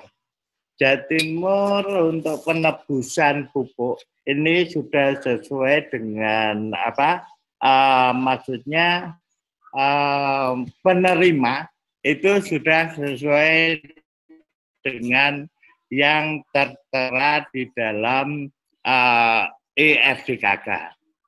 Hanya saja uh, ini ada hal yang ironis. Soalnya apa? Uh, di satu sisi kita dituntut untuk untuk uh, menaikkan produksi pangan kita per hektar, tapi di sisi lain uh, ketersediaan pupuk sangat minimal. Mungkin semua sudah mendengar bahwa untuk breakdown alokasi uh, Jawa Timur dibanding tahun 2018, tahun 2020 ini terjadi penurunan kurang lebih 45 persen sehingga uh, ketersediaan pupuk sangat minimal sekali dan uh, memang benar ini uh, akhirnya uh, ada ke ketersediaan distribusi kepada petani yang sangat minimal sekali. Contohnya ada satu daerah kami uh, yang satu hektar alokasi yang disediakan hanya urea. Per hektar, urea 100 kg, SP uh, 33 kg, ZA 66 kg, NPK 66 kg, organik 66 kg. Bapak-bapak bisa bayangkan bagaimana kita bisa mencapai 6T yang uh, dengan semua sampaikan tadi. Kalau per hektar hanya kemudian mendapat jatah pupuk bersubsidi sebesar itu. Terus produksi berapa yang kita harapkan per hektar dengan urea 100 kg. Bapak-bapak bisa bayangkan. Uh, kemudian hmm, pada dasarnya petani Jawa Timur tidak keberatan. Kan terjadi uh, pengurangan subsidi maksudnya pengurangan apa angka subsidi uh, artinya ada kenaikan HIT pupuk bersubsidi tidak masalah. Tapi dengan catatan pupuk tersedia. Jangan sampai kemudian seperti sekarang ngomong ini pupuk bersubsidi tapi pupuk langka di pasaran nggak ada. Nah, dari hitungan-hitungan yang disampaikan oleh Bu Musdalifa, kemudian uh, juga dari pupuk Kaltim, kemudian juga dari Pak Dirjen dan sebagainya tadi, uh, saya mohon mungkin ada yang perlu dikaji ulang selain kenaikan apa HIT uh, pengurangan jumlah apa rupiah subsidi itu juga yang terkait kewajiban untuk menebus pupuk organik. Satu hektar 66 kilogram, Pak. Artinya kalau orang desa di Jawa Timur, 66 kilogram itu satu hektar mosok hanya diberi satu uh, pikul uh, kotoran sapi ke apa luasan satu uh, hektar terus apa efeknya? Apa gunanya? Itu perlu dikaji. Apakah tidak lebih baik subsidi pupuk organik ini dialihkan untuk subsidi pupuk kimia? Terus bagaimana ketersediaan organik? Nah ini kewajiban pemerintah memperkuat pendampingan uh, terutama untuk pembuatan-pembuatan pupuk organik kan mudah Pak membuat pupuk organik itu. Toh uh, di desa itu juga tersedia bahan bakunya. Bapak-bapak kalau andaikan ada tim yang mampu itu investigasi di desa keberadaan pupuk organik, ngeri Pak. Itu banyak sekali karena terpaksa harus nebus pupuk organik tidak dipakai oleh pemerintah apa petani. Sama di situ ada tengkulak yang mengumpulkan yang mengumpulkan pupuk organik dijual lagi ke mitra uh, pupuk artinya pabrik pupuk organik untuk dijual lagi ke pabrik pupuk, pabrik pupuk didistribusikan lagi ke petani. Mumet saja. Itu yang terkait distribusi. Karena apa? Memang petani tidak butuhkan itu. Petani banyak tahu kualitasnya untuk pupuk bersubsidi. Belum lagi kenakalan-kenakalan yang dilakukan oleh mitra pabrik pupuk organik. Banyak, Pak kalau mungkin di luar Jawa nggak ada gunung kapur. Kalau di Jawa Timur banyak gunung kapur. Itu dicampur, Pak. Jadi apa? Dari gunung kapur itu ngambil tanahnya, dicoper, diayak, dibuat campuran. Itu perlu mungkin investigasi sehingga apa? Kualitas pupuk organik ini perlu untuk di uh, awasi betul kalau memang harus pupuk organik. Tapi apakah uh, alangkah lebih baiknya kalau pemerintah memperkuat pendampingan tim penyuluh untuk pembuatan pupuk organik bisa dilakukan di BUMDes, Pak. bisa dilakukan oleh kelompok tani. Banyaklah. Daripada terus kemudian muter aja, tidak teraplikasi, tapi muter aja. Karena padahal di situ mengandung uh, uang subsidi pemerintah yang notabene adalah milik rakyat. Uh, kemudian uh, berapa kenaikan dan sebagainya asal tersedia tadi disampaikan Bapak Ketua Umum bahwa tidak masalah ada kenaikan 300 rupiah dan sebagainya, kemudian pemotongan dari organik dan sebagainya, saya pikir cukup untuk apa? Untuk menambah apa uh, plafon pupuk bersubsidi hingga kebutuhan petani betul-betul bisa uh, dipenuhi oleh pemerintah. Jangan sampai beban petani ini semakin berat, Pak. Betul. Berat, Pak. Padahal cuma dikasih satu hektar pupuk bersubsidi satu kuintal. Mau jadi apa? Semua juga petani, saya juga petani, Pak. Kita tahu persis lah kalau satu hektar kemudian aplikasinya hanya 100 kilo urea jadi apa kemudian padinya? Saya pikir uh, dari saya uh, sekian dulu. Terima kasih. Wassalamualaikum warahmatullahi wabarakatuh. Ya, Waalaikumsalam warahmatullahi wabarakatuh. Terima kasih banyak Pak Suyanto selaku Ketua KTNA Provinsi Jawa Timur yang sudah memberikan masukan serta saran dan pendapat itu semua memang keluhan dari para petani terutama di Jawa Timur ini untuk subsidi uh, pupuknya berkurang banyak ya Pak ya? Iya, ya, 45 persen. Iya. 45 persen ya. Baik, uh, selanjutnya kita ada penanya di belakang itu dari Sumatera Barat. Ya, kita beralih ke Sumatera, yaitu ada Pak Oyon, Pak Oyon SAPI, uh, beliau petani uh, jagung, sekaligus juga beliau juga panitia persiapan pena sebenarnya yang diundur 2021 nih. Baik, uh, Pak Yon sudah uh, on. Pak Oyon KPI. Ya, Pak Oyon, kami persilakan. Suaranya mungkin diperbesar, Pak Oyon, silakan.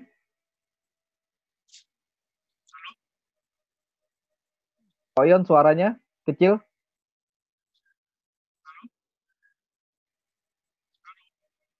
Ya, suaranya masih kecil, Poyon.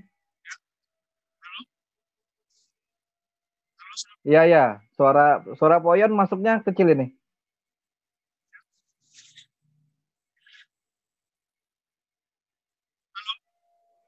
Suara Poyon tidak terdengar.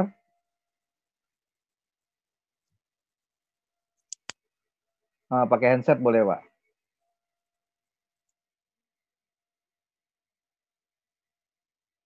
Malah hilang hilang kamera itunya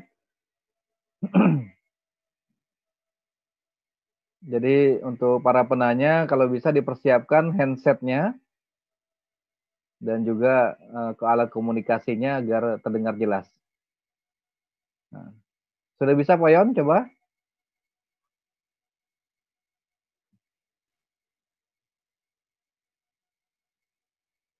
Ya, dipencet lagi, Poyon uh, suaranya?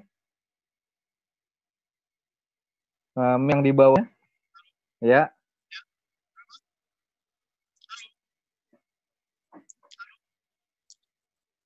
Masih kecil, Poyon? Pakai uh, mungkin pakai handset, Bu.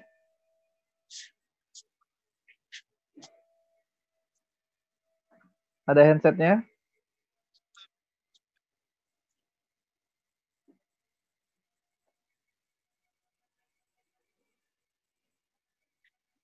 Masih belum terdengar.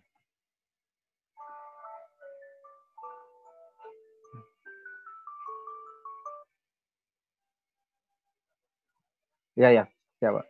Oke, uh, sambil menunggu siapan uh, komunikasi dari Pak Oyon Sapi dari Sumatera Barat, silakan menyiapkan handset dulu. Jadi lanjut ke pertanyaan selanjutnya dari Universitas Mula Warman. Nah, kemudian ada dari uh, dari Universitas dari akademis. Dari Ibu Karyati? Ibu Karyati bisa Oke. Operator, coba dicari Ibu Karyati dari Universitas Mula Warman.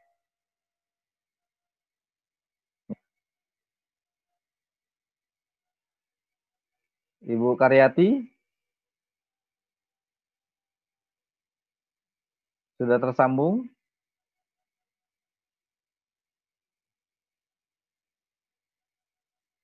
Ya.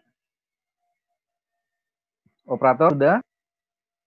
Untuk Universitas Melawarman ada Ibu Karyati.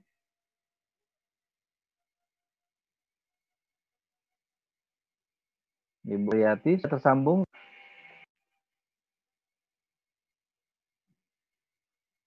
Iya. Ini ada Ibu Karyati dari Universitas Mula Warman.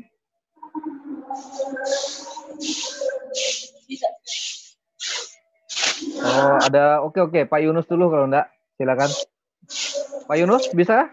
Eh, iya, siap. Siap. Oke, ini ada penanya dari Sulawesi Selatan. Uh, ya, kebetulan siap. Ketua Petani dan Nelayan dari Sulawesi Selatan Nah, kami persilakan Pak. Lanjut Pak, silakan. Bismillahirrahmanirrahim. Nah, untuk... Assalamualaikum warahmatullahi wabarakatuh. Selamat siang dan salam sejahtera untuk kita semua. Kami dari KTNA Sulawesi Selatan ingin berikan informasi tentang pupuk yang ada di Sulawesi Selatan. Yang pertama bahwa untuk tahun 2019 urea yang ada di Sulawesi Selatan, ya permintaan dan pemakaian mencapai 99 persen untuk tahun 2019. Dan untuk dengan dan untuk Vetro yaitu SETA, SP3 kanan, Poska dan organik ya masih uh, kurang sedikit pada tahun 2019. Tetapi pada tahun 2020 perlu saya sampaikan bahwa kebutuhan petani Sulawesi Selatan di tahun 2020 ya sesuai dengan RDKK urea itu membutuhkan 469 ribu ton. Kemudian SP3 anang 190 ribu, SETA 161 ribu, NPK 200 ribu, organik 837. Itu adalah yang dibutuhkan petani Sulawesi Selatan pada tahun 2020 ini. Namun bahwa dari Kementan, ya, urea itu hanya 233.691 ribu ton. Kemudian SP3 yang 131 ribu lebih dan SZA 54.437, NPK 179.308 dan organik 720.000 ton.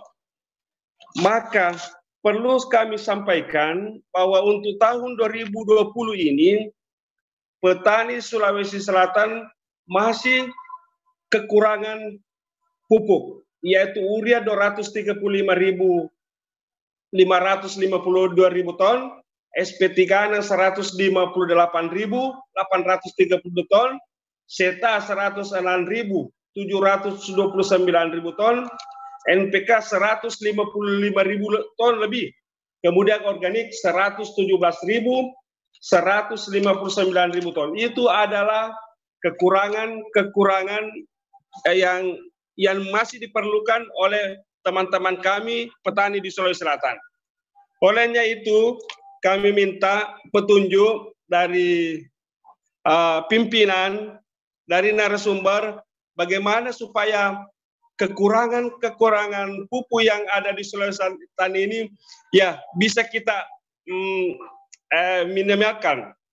Kemudian yang kedua, ada juga masalah yang perlu kami minta petunjuk arahan. Yang pertama, masalah kartu tani tadi yang disebutkan oleh narasumber bahwa untuk kartu tani di Sulawesi Selatan belum mencapai 50 persen. Ya, kemudian ini asuransi juga perlu asuransi tani disebutkan tadi ya supaya uh, semua kegagalan uh, yang dialami oleh teman-teman kami uh, di Sulawesi Selatan itu, Sulawesi Selatan ini uh, terutama tanaman padi supaya diasuransikan. Ya. Kemudian ini pupuk cair perlu juga kami sampaikan masalah pupuk cair yang diproduksi oleh Putra ya Putra Sulawesi Selatan ada ada uh, beberapa ya dan ini kadang-kadang uh, diminati oleh teman-teman petani yang tidak memproduksi seperti itu ya mohon petunjuk supaya uh, apakah dimasukkan sebagai pupuk cair yang bersubsidi atau bantuan-bantuan yang bisa dinikmati oleh teman-teman kami di Sulawesi Selatan. Selanjutnya mengenai kenaikan tadi kenaikan pupuk, kami petani Sulawesi Selatan mendukung. Yang penting kami bisa beli, eh, kami bisa membeli uh, produk itu. Artinya tidak susah untuk mendapatkan. Begitu. Kemudian uh, teknologi teknologi yang dimiliki oleh teman-teman kami ya di Sulawesi Selatan ya ada juga yang meng, apa membuat yang membuat pupuk pupuk pupuk organik sesuai dengan uh, teknologinya sendiri yaitu dari kotoran-kotoran hewan. Itu. Kemudian selanjutnya uh, uh, kami juga mendapat petunjuk dari eh, ketua kami bahwa silakan beraktivitas ya beraktivitas di daerahnya supaya kekurangan yang dialami oleh petani-petani uh, Sulawesi Selatan dapat kita batasi yaitu yang pertama bahwa untuk uh, minimal apa istilahnya untuk memfasilitasi teman-teman bahwa kami teman-teman KTN di Sulawesi Selatan ya KTN Sulawesi Selatan provinsi dengan kabupaten uh, bersama dinas dinas pertanian mensosialisasikan pupuk-pupuk non pupuk-pupuk non subsidi ya sudah mensosialisasikan ya bahkan uh, kami dengan bersama dinas membuat satu percontohan supaya menjadi eh, sarana belajar bagi teman-teman petani yang ada di sekitar itu. Itu yang saya sampaikan. Terima kasih. Assalamualaikum warahmatullahi wabarakatuh. Waalaikumsalam warahmatullahi wabarakatuh. Uh, terima kasih oleh Bapak Yunus dari Sulawesi Selatan yang sudah memberikan masukan dan informasinya. Mungkin selanjutnya kita dari uh, akademisinya ya Pak ya. Mungkin akademisi akademisi apa sudah ada yang masuk Pak uh, moderator untuk akademisinya?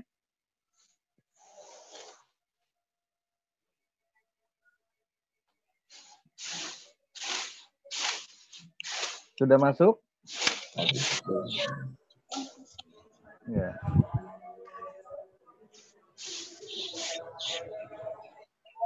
Oke.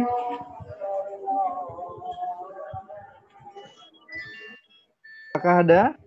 Kalau tidak, tadi ada Pak Oyon yang masih sempat uh, tadi ini. Pak Oyon? Dari Sumatera Barat, Pak Oyon? Sudah oke? Okay? Pak Arsam. Nah, itu ada Pak Arsam tuh dari universitas. Kami persilakan untuk Pak Arsam. Moderator, uh, bisa dicari itu Pak Arsam.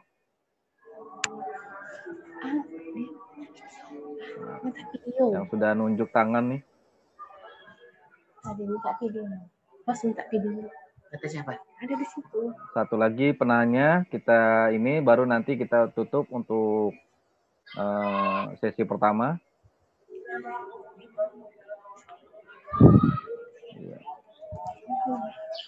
Sama gini aja.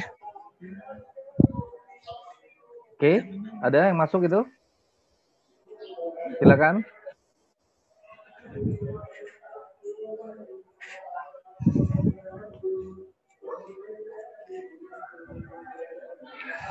Ada?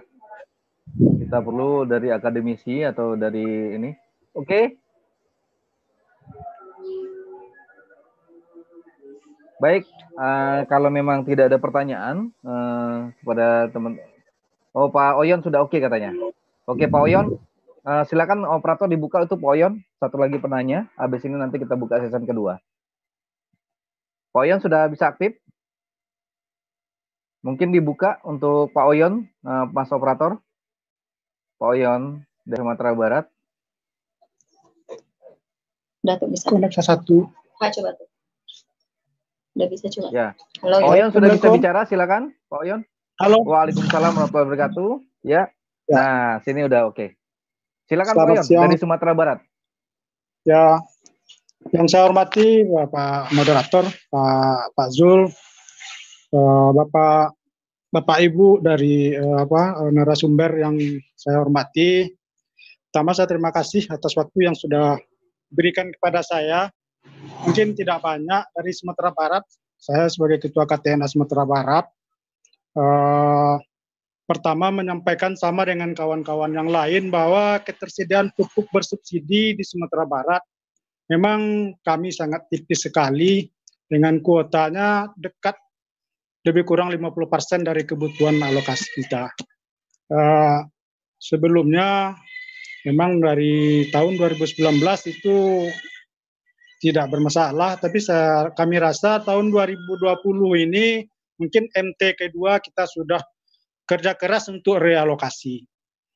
Uh, Bapak Ibu yang kami hormati, uh, tentu ini adalah dengan kondisi-kondisi yang tadi sudah disampaikan oleh Bapak Ibu narasumber kita. Kita mendukung apa yang disampaikan Pak Suyatno, itu perlu kita uh, mengadakan perbaikan-perbaikan. Mungkin kita kita apa kita pilih satu persatu. Kalau memang uh, ada yang harus kita kita hilangkan, kita jadikan untuk penambahan dana subsidi, tentu kami sangat mendukung lagi dari Sumatera Barat atau juga kenaikan subsidi pupuk ini. Uh, tetapi dengan ketentuan angka-angka yang cukup uh, bisa diterima oleh masyarakat petani kita.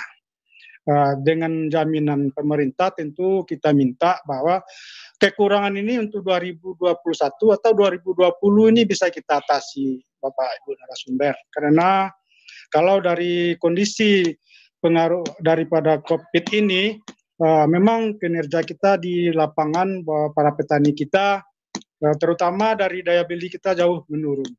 Jadi kini ada juga permasalahan yang perlu kami sampaikan dari Sumatera Barat mungkin atau tidak terjadi di daerah-daerah lain atau provinsi lain.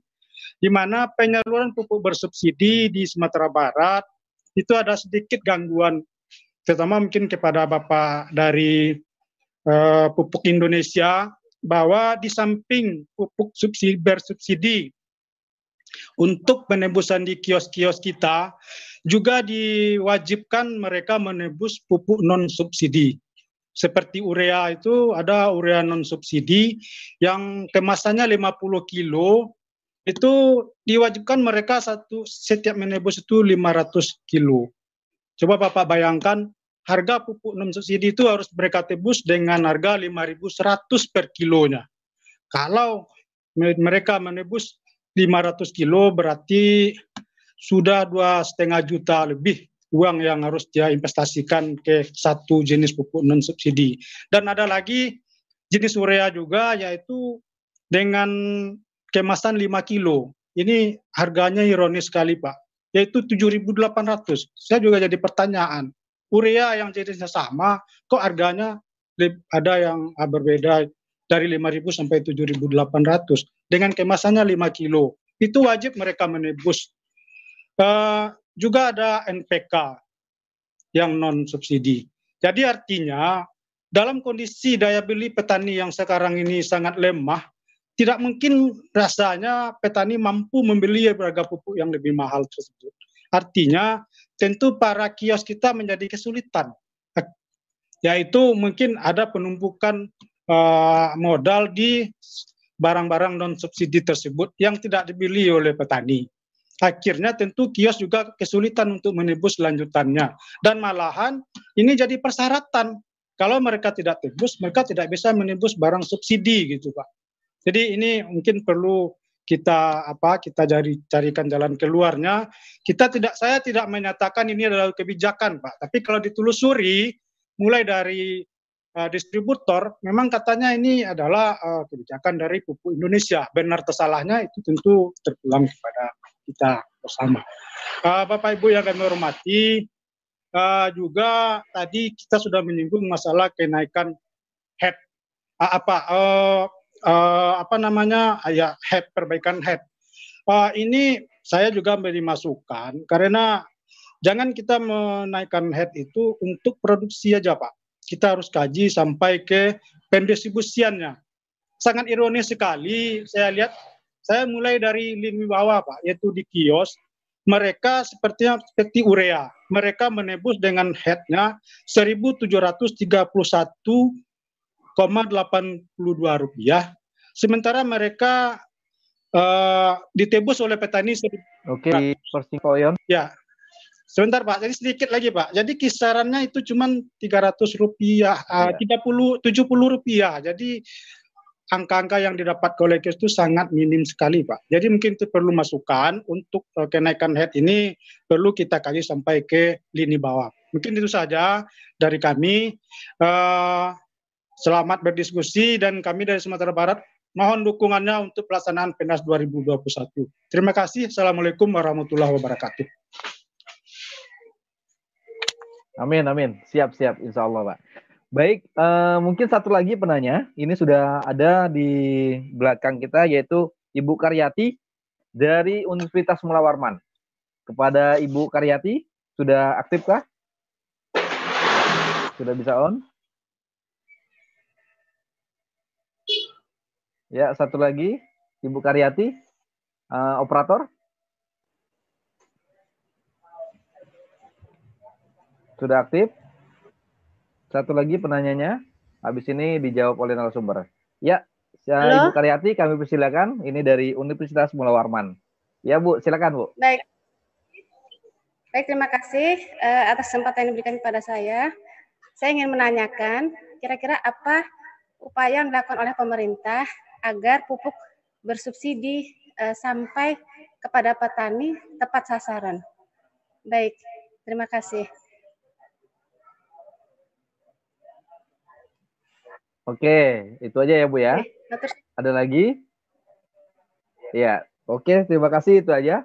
Uh, baik, uh, kita kembali kepada para narasumber yang sudah uh, menyimak tadi beberapa pertanyaan yang sudah diinformasikan. Tadi ada dari Jawa Timur, dari Pak Yanto, yang sudah memberikan informasi sekaligus mohonannya untuk ada penambahan pupuk. Dan juga dari Sulawesi Selatan ada Pak Yunus, dan dari Sumatera Barat ada Pak uh, Oyon dan terakhir tadi ada dari Universitas Melawarman. Mungkin uh, untuk para narasumber kami persilakan untuk memberikan tanggapan dan jawaban. Uh, kita mulai dulu dari uh, mungkin dari Pak Dr. Sarwono Edi. Kami persilakan Pak.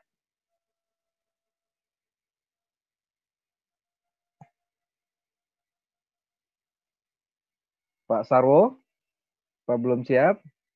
Atau dari uh, Ibu Musdalifah dulu, biar istilahnya semuanya berurut. Uh, Pak Sarwo? Ya, Pak Sarwo, kami persilakan untuk memberikan tanggapan dari beberapa pertanyaan.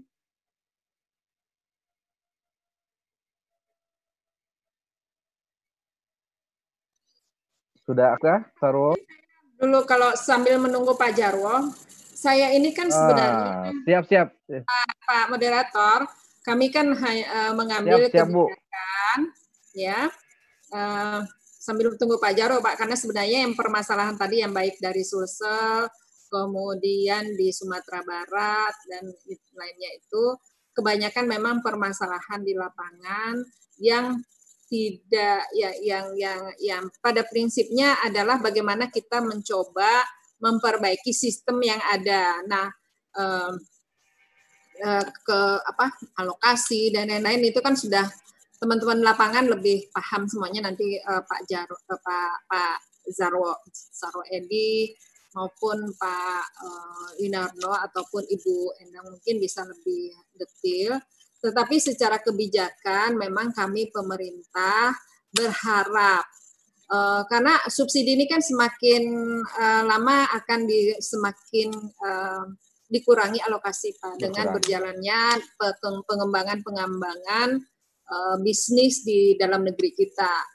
Uh, uh, dan dan yang kedua juga sebenarnya kita ingin menggunakan memanfaatkan tool yang kita memang dukungan bantuan itu langsung ke pelaksana sehingga hambatan-hambatan yang selama ini karena ada uh, apa ada proses yang harus dilakukan mulai dari industri sampai ke dengan petani itu ada proses yang cukup panjang sehingga proses yang cukup panjang ini itu terbangun dengan sistem sehingga petani itu tidak terkait dengan sistem, tidak terkait dengan distributor atau siapa pun, tapi dia punya kartu yang akan dia manfaatkan atau dia gunakan pada saat dia butuhkan. Jadi uh, istilahnya tadi uh, apa sistem yang berjalan tuh itu kita kan tidak bisa mengatakan sistem akan terbentuk dalam apa seperti membalik tangan, tetapi sistem akan terbentuk kalau uh, ada satu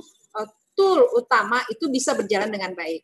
Setelah kartu tani ini kita bisa distribusikan, kemudian bisa diimplementasikan, harapannya yang berjalan dari industri sampai dengan ke petani itu sistemnya akan terbentuk secara perlahan-lahan dan harapannya kendala-kendala yang kita uh, apa alami di lapangan itu kita bisa sempurnakan perlahan-lahan.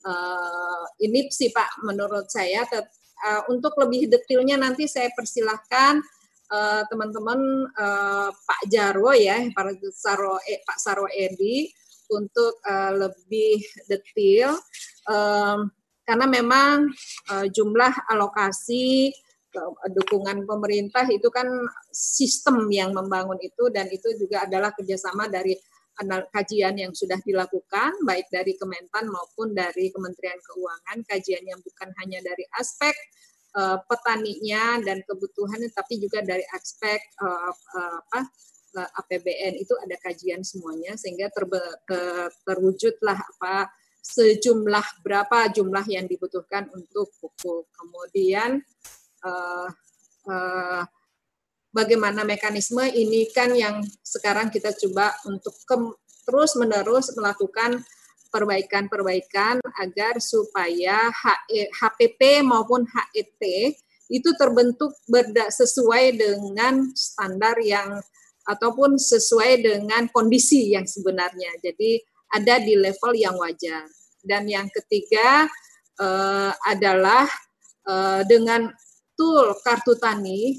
Kartu tani ini harapan kita kita akan lebih menyempurnakan berbagai hal terkait dengan pertanian kita dan bagaimana memanfaatkan uh, subsidi yang diberikan pemerintah supaya kalau tadi ada satu T yang belum tepat pupuk menurut Ibu Endang, semua hal yang betul-betul tepat itu bisa berjalan dengan baik. Kita salah satunya alat yang berdasarkan kajian ini juga kajiannya panjang Pak. Beberapa mekanisme sudah coba kita uh, untuk terapkan dan terakhir uh, akhirnya diputuskan kita perlu menggunakan kartu tani dan kartu tani inilah kami karena ada teman-teman dari KTN uh, eh, baik Sumatera Barat, Sulawesi Selatan kami mohon harapannya untuk bisa uh, membantu mensosialisasikan kepada, petani dan kalau ada yang kurang, masih ada yang belum sempurna, mari kita bicarakan lebih lebih uh, baik lagi.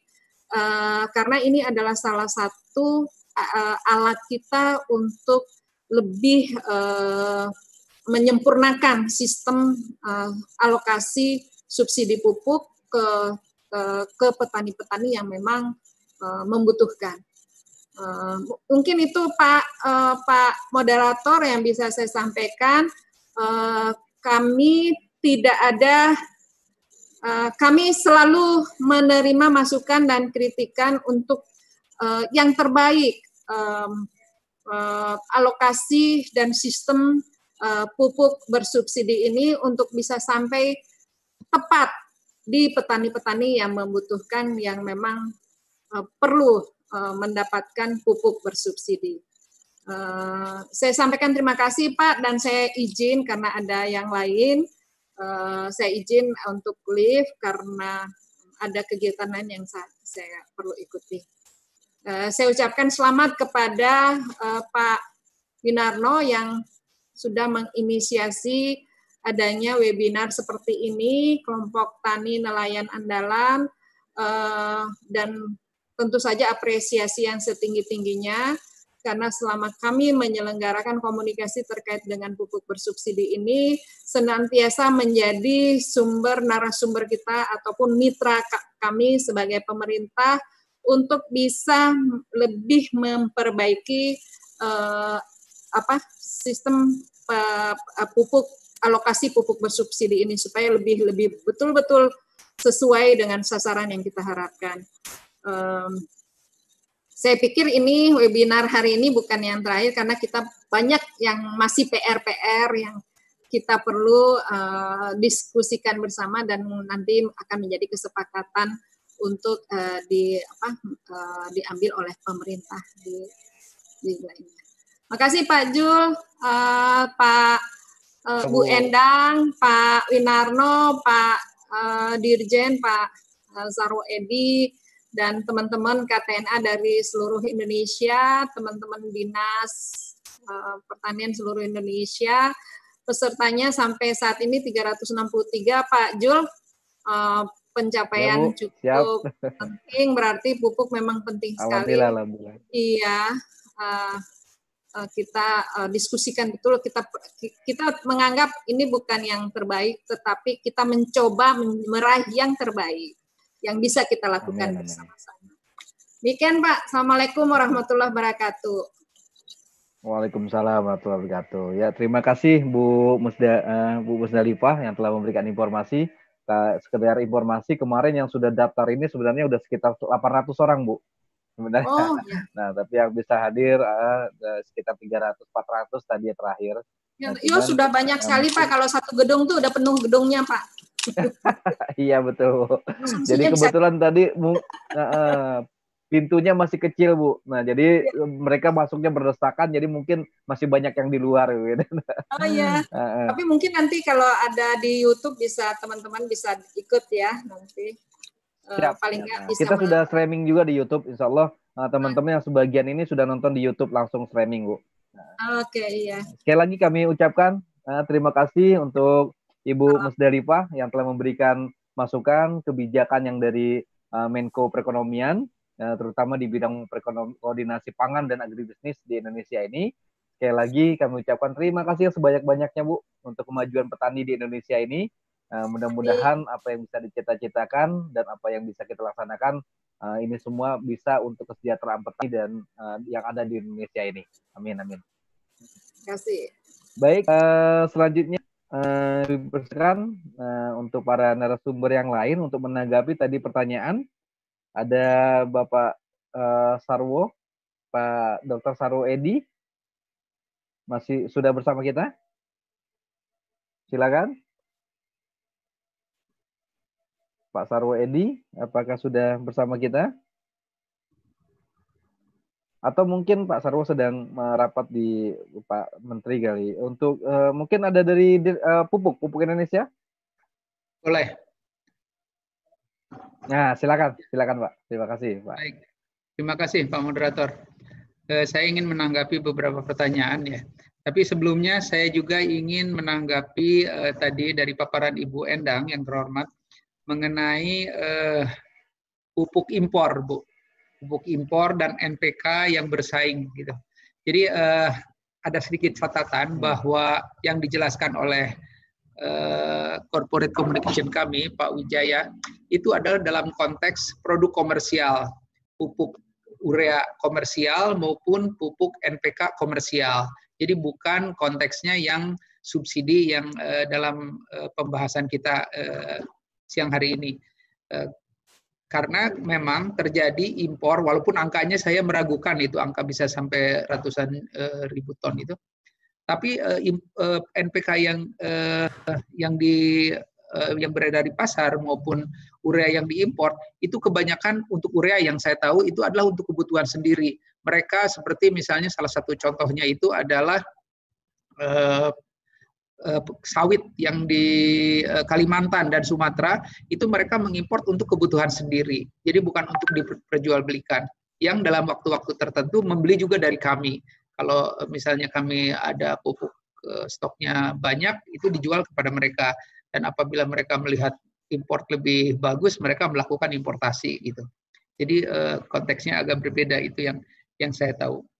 Kemudian ini untuk semua penanya saja. Jadi begini, kasus mengenai terjadinya kelangkaan pupuk dikaitkan dengan kebutuhan yang di yang terjadi di masyarakat petani maupun pupuk yang tersedia pada dasarnya bisa dibagi menjadi dua kategori masalah. Jadi masalah yang pertama adalah yang terkait dengan regulasi. Penyelesaiannya adalah kami secara terpusat melakukan pembahasan dengan Kementerian Pertanian, dengan Kemenko Perekonomian maupun juga sering kalau kami DPR kami juga membahas dengan Komisi 4 dan Komisi 6 gitu. Jadi itu dilakukannya secara terpusat. Namun ada juga yang memang mau tidak mau kami harus membahas secara detail satu persatu. Seperti contohnya yang ditanyakan tadi oleh Pak Oyon Safei. Pak Oyon Safei dari Sumbar. Itu mau tidak mau kami harus harus masuk ke wilayah Eh, lebih detail seperti misalnya Bapak tadi mengatakan ada distributor yang mewajibkan atau pengecer yang mewajibkan menjual pupuk non subsidi bersama-sama dengan pupuk e, subsidi. Tidak akan dikasih pupuk subsidi kalau non subsidinya tidak dibeli. Ini tidak ada aturannya, Pak. Kenapa kami harus detail? Karena kalau Bapak bisa menunjukkan bukti di mana e, distributornya, telepon kami terbuka Pak. Kalau Bapak mau hubungi saya, eh, Pak Zul nanti ataupun panitia bisa memberikan HP saya kepada Pak Oyon atau pada yang lain. Kami mohon informasi sehingga kami akan langsung menghubungi distributor yang bersangkutan, pengecer yang bersangkutan. Karena itu melanggar, hmm. itu bisa ditindak Pak. Itu tidak ada aturan dari kami bahwa eh, non subsidi itu dijual bersama-sama. Adapun kami menyimpan pupuk non subsidi di eh, kios-kios itu adalah dalam rangka mengantisipasi pada saat pupuknya itu sudah tidak pupuk yang subsidi itu habis. Jadi mau tidak mau memang karena e, daripada tidak mau pupuk dijualah non subsidi. Nah, kemudian yang kecil itu pun sebetulnya dalam rangka mensiasati. Kalau Bapak beli yang 50 kg sekaligus dengan harga-harga komersial itu pasti harganya mahal. Dibuatlah dengan kantong-kantong 5 kg. Tapi sama sekali tidak ada kewajiban untuk dibeli bersama-sama atau dibundling istilahnya bersama-sama dengan pupuk subsidi. Oleh karena itu kalau Bapak menemui kasus ini, silahkan Bapak menginfokan kepada saya eh, di mana kejadiannya, siapa distributornya. Nanti kami akan menghubungi kalau di Sumatera Barat itu kalau tidak salah pupuk Sriwijaya atau PIM ya, saya nggak tahu nanti saya cek. Itu nanti produsen kami akan Eh, langsung menghubungi distributor yang bersangkutan, kalau perlu kepada pengecer yang bersangkutan. Itu adalah tindakan yang tidak sesuai dengan aturan dan saya kira memang ada sanksi tersendiri terhadap hal tersebut. Kemudian tadi dari Pak Yunus uh, sudah dijawab ya Pak ya, jadi uh, dari Sulawesi Selatan bahwa untuk hal-hal yang sifatnya memang keterkaitan dengan pusat kami sudah bahas bersama-sama dengan uh, Kementerian Pertanian khususnya adalah mengenai pupuk yang eh, tidak sama antara yang dibutuhkan dengan yang dipasok oleh eh, Kementan. Ada juga kasus yang saya temui ini tidak menjawab tapi memang ada eh, beberapa hal yang menyebabkan adanya kelangkaan itu adalah jumlah yang ada di dalam ERDKK itu beberapa kasus terjadi bahkan berbeda dengan permentannya. Jadi ini koordinasi dengan dinas. Kami akan mencoba untuk memfasilitasi pertemuan di daerah antara dinas e, di daerah dengan PPL yang membuat RDKK dengan e, permentannya. Ini harusnya sama, harusnya sama, tidak boleh berbeda. Apalagi kalau jumlah RDKK-nya itu lebih kecil. RDKK yang disusun misalnya jumlahnya 500 ton, padahal permentannya untuk satu bulan satu kabupaten itu 1000 ton misalnya gitu. Itu tidak boleh, harus habis jadi mungkin juga kalau ada informasi seperti itu eh, bisa diinfokan di kabupaten mana nanti akan kami tindak lanjuti. Jadi itu Pak, eh, sekali lagi kalau ada hal yang belum terjawab di dalam eh, sesi ini, saya tidak keberatan untuk dihubungi secara personal agar masalahnya bisa nanti kita tindak lanjuti bersama-sama sesuai dengan apa yang terjadi di lapangan. Jadi saya sendiri menghindari istilahnya katanya gitu jadi ini katanya begini, tidak ada katanya kalau untuk masalah hmm. pangan ini harus langsung langsung ke daerah sehingga kita bisa mengetahui tidak ada hoax lah istilahnya, tidak ada berita-berita sepihak begitu. Jadi eh, apa pun kalau ada berita mengontak saya boleh, mengontak eh, produsen di daerah juga boleh. Kalau misalnya tidak ada respon ke saya boleh, nggak ada masalah. Saya kira itu mungkin Pak Moderator, terima kasih. Ya, terima kasih uh, Bapak. Nah, mungkin selanjutnya langsung dijawab saja atau memberikan saran dari Bu Haja Endang dari DPR RI. Baik, terima kasih Mas ya. Julham. Silakan Bu Endang. Ya.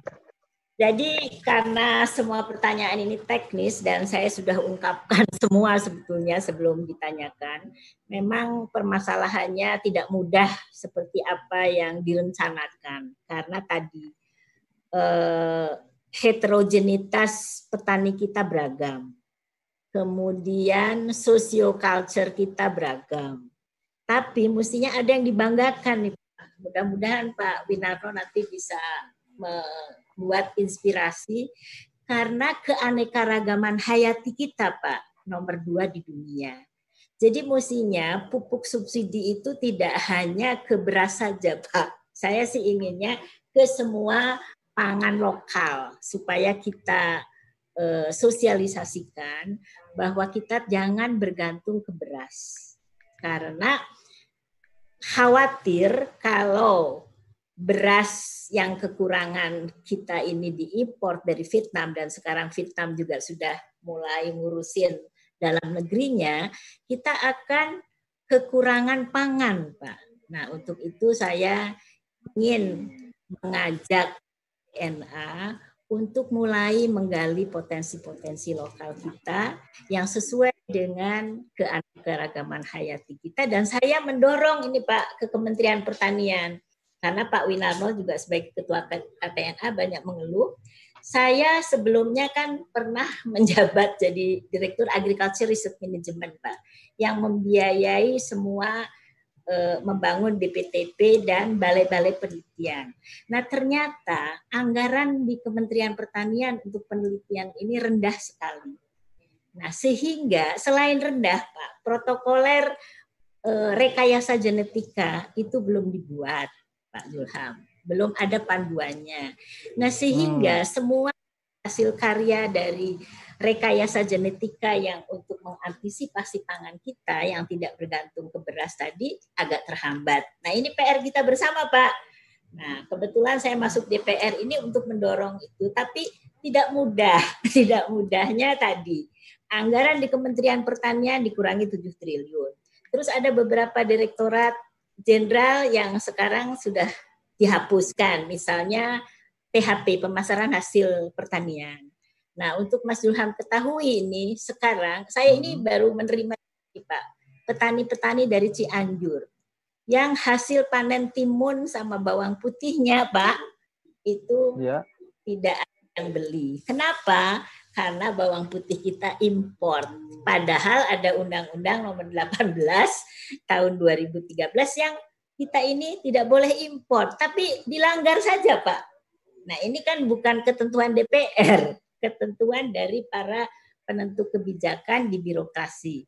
Nah, mohon dalam uh, pertemuan kita yang bagus ini, kita mari bersama-sama untuk menghayati dan mulai memperjuangkan bersama-sama bagaimana di lapangan, Pak. Jadi saya juga sedih, Pak, kalau misalnya petani-petani kita ini sudah tadi yang dikeluhkan oleh dari teman-teman yang dari Sumatera Barat, kemudian dari Sulawesi Selatan, kemudian dari e, Ibu Karyadi yang semuanya mengeluh, apalagi dari Jawa Timur ini, di mana pasokan pupuknya tidak sesuai dengan e, luas lahan yang akan ditanami.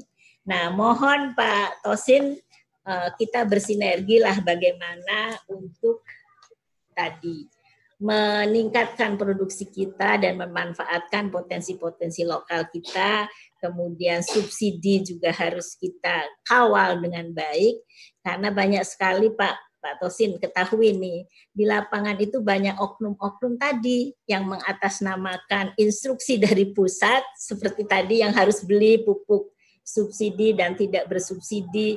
Nah ini kan PR kita bersama. Jadi para SI kita itu sering memanfaatkan eh, ketentuan-ketentuan seolah-olah dari pusat.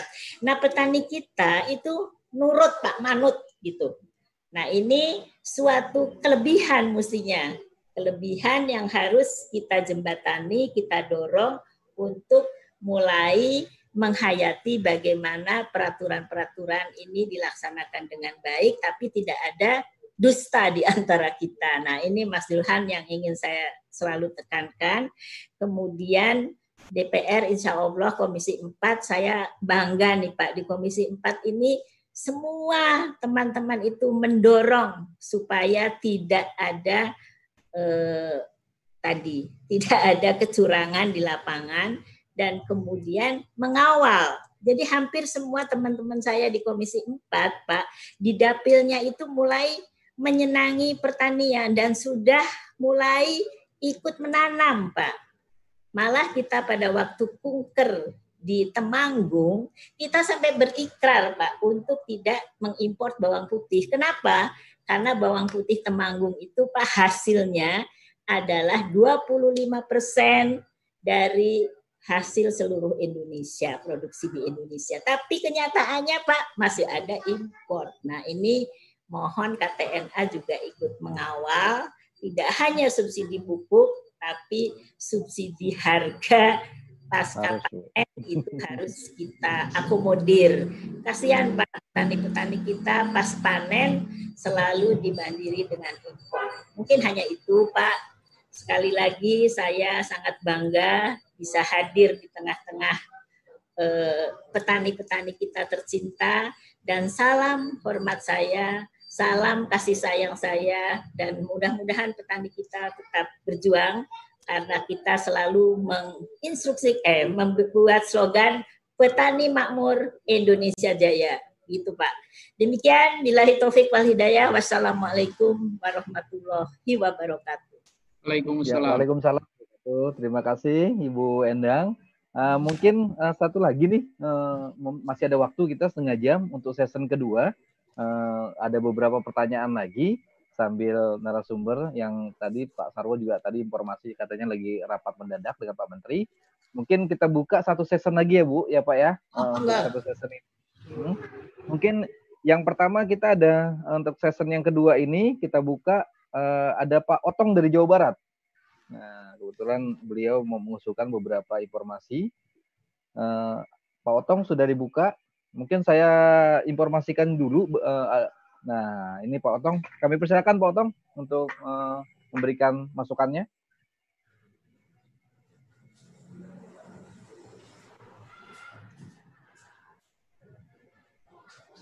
Uh, tolong mau operator untuk Otong. Terima, terima kasih Pak Juarman sebagai moderator. Uh, saya dari Katena Jawa Barat. Uh, para narasumber yang saya hormati, uh, untuk keberadaan PUP sendiri sama saya kira dengan uh, provinsi yang lain. Uh, untuk intinya ada, adalah dari dari permasalahan tadi ada solusi yang bisa diterima yaitu buat kami di Jawa Barat adalah di antaranya mengenai kenaikan uh, jadi kenaikan HET adalah salah satu solusi untuk mencukupi kebutuhan pupuk uh, subsidi uh, untuk petani. Apalagi untuk Jawa Barat sendiri seperti SP36 sampai saat ini sudah mendekati habis gitu. Jadi mungkin bulan depan sudah tidak tidak kebagian lagi SP36 gitu. Uh, yang selanjutnya ingin yang uh, yang ingin saya sampaikan adalah tadi dari Bu Dr. Edang disinggung mengenai pengawasan. Bahwa kita tahu keberhasilan pengawasan terhadap pengadaan, peredaran, penyimpanan, serta penggunaan uh, pupuk dan pestisida uh, itu ada wadahnya yaitu KP3 gitu. Komisi Pengawasan Pupuk dan Pestisida. Yeah. Dalam kesempatan ini saya hanya ingin mengusulkan mengenai keterlibatan KTNA sebagai perwakilan petani untuk bisa masuk dalam struktur KPR 3. Karena ini sangat penting dalam membantu memaksimalkan uh, kerja KP3. Karena informasi dari lapangan biasanya KTNA lebih tahu uh, lebih dulu. Karena KTNA adalah pelaku langsung di lapangan. Sehingga kalau ada apa-apa di lapangan, uh, saya yakin KTNA seluruh Indonesia bisa bisa tahu dan bisa memonitor keberadaan uh, permasalahan tersebut sehingga nanti bisa didiskusikan dengan internal KP3 untuk ditindaklanjuti selanjutnya. Saya kira itu saja uh, Pak Moderator. Terima kasih atas waktunya. Saya tutup dengan Assalamualaikum warahmatullahi wabarakatuh. Waalaikumsalam. Terima kasih Pak Otong yang sudah menyerangkan memang di KP3 ini butuh pengawasan. Sebenarnya bukan butuh pengawasan dari di pihak eh, instansi saja, tetapi pengawasan langsung oleh para petani karena uh, petanilah yang sebagai pelaksana lapangan. Baik, selanjutnya kita ada Pak Arjun dari Gorontalo. Ada Pak Arjun? Pak Arjun, apa sudah terkonek? Kami persilakan. Pak Arjun. Ya. Pak Arjun sudah tinggal mute suaranya, belum keluar. Kami persilakan. Atau sambil menunggu mungkin ada juga di sini sudah ada daftar yaitu Ibu Iren dari Tegal. Nah, Tegal ini butuh juga sebenarnya pupuk karena beliau ini salah satu uh, tetangga penghasil bawang ini. Pak Arjun belum? Kalau belum ada Bu Iren. Ya, ini dari mana? Bu Iren, kami persilakan Bu Iren. Ke mana nih orangnya? Bu Iren belum juga. Halo? Atau Bu Kristin? Krista? Bu Krista. Nah, ini Bu Krista ini dari Universitas Jember. Untuk menghemat waktu ya, kita langsung saja siapa saja yang bisa naik. Ada Ibu Krista dari Ibu Krista Krista Dia Universitas Jember. Hmm. Bu Yayu enggak? Ibu ada Bu Iren ini masih belum uh, sepertinya ditinggal. Lalu ada Ibu Krista Dia dari Universitas Jember. Adakah?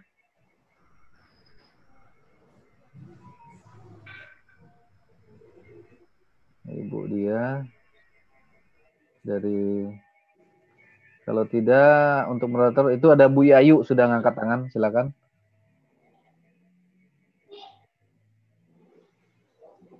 Pak Arjun belum? Bu Iren atau Bu Yayu, kami silakan.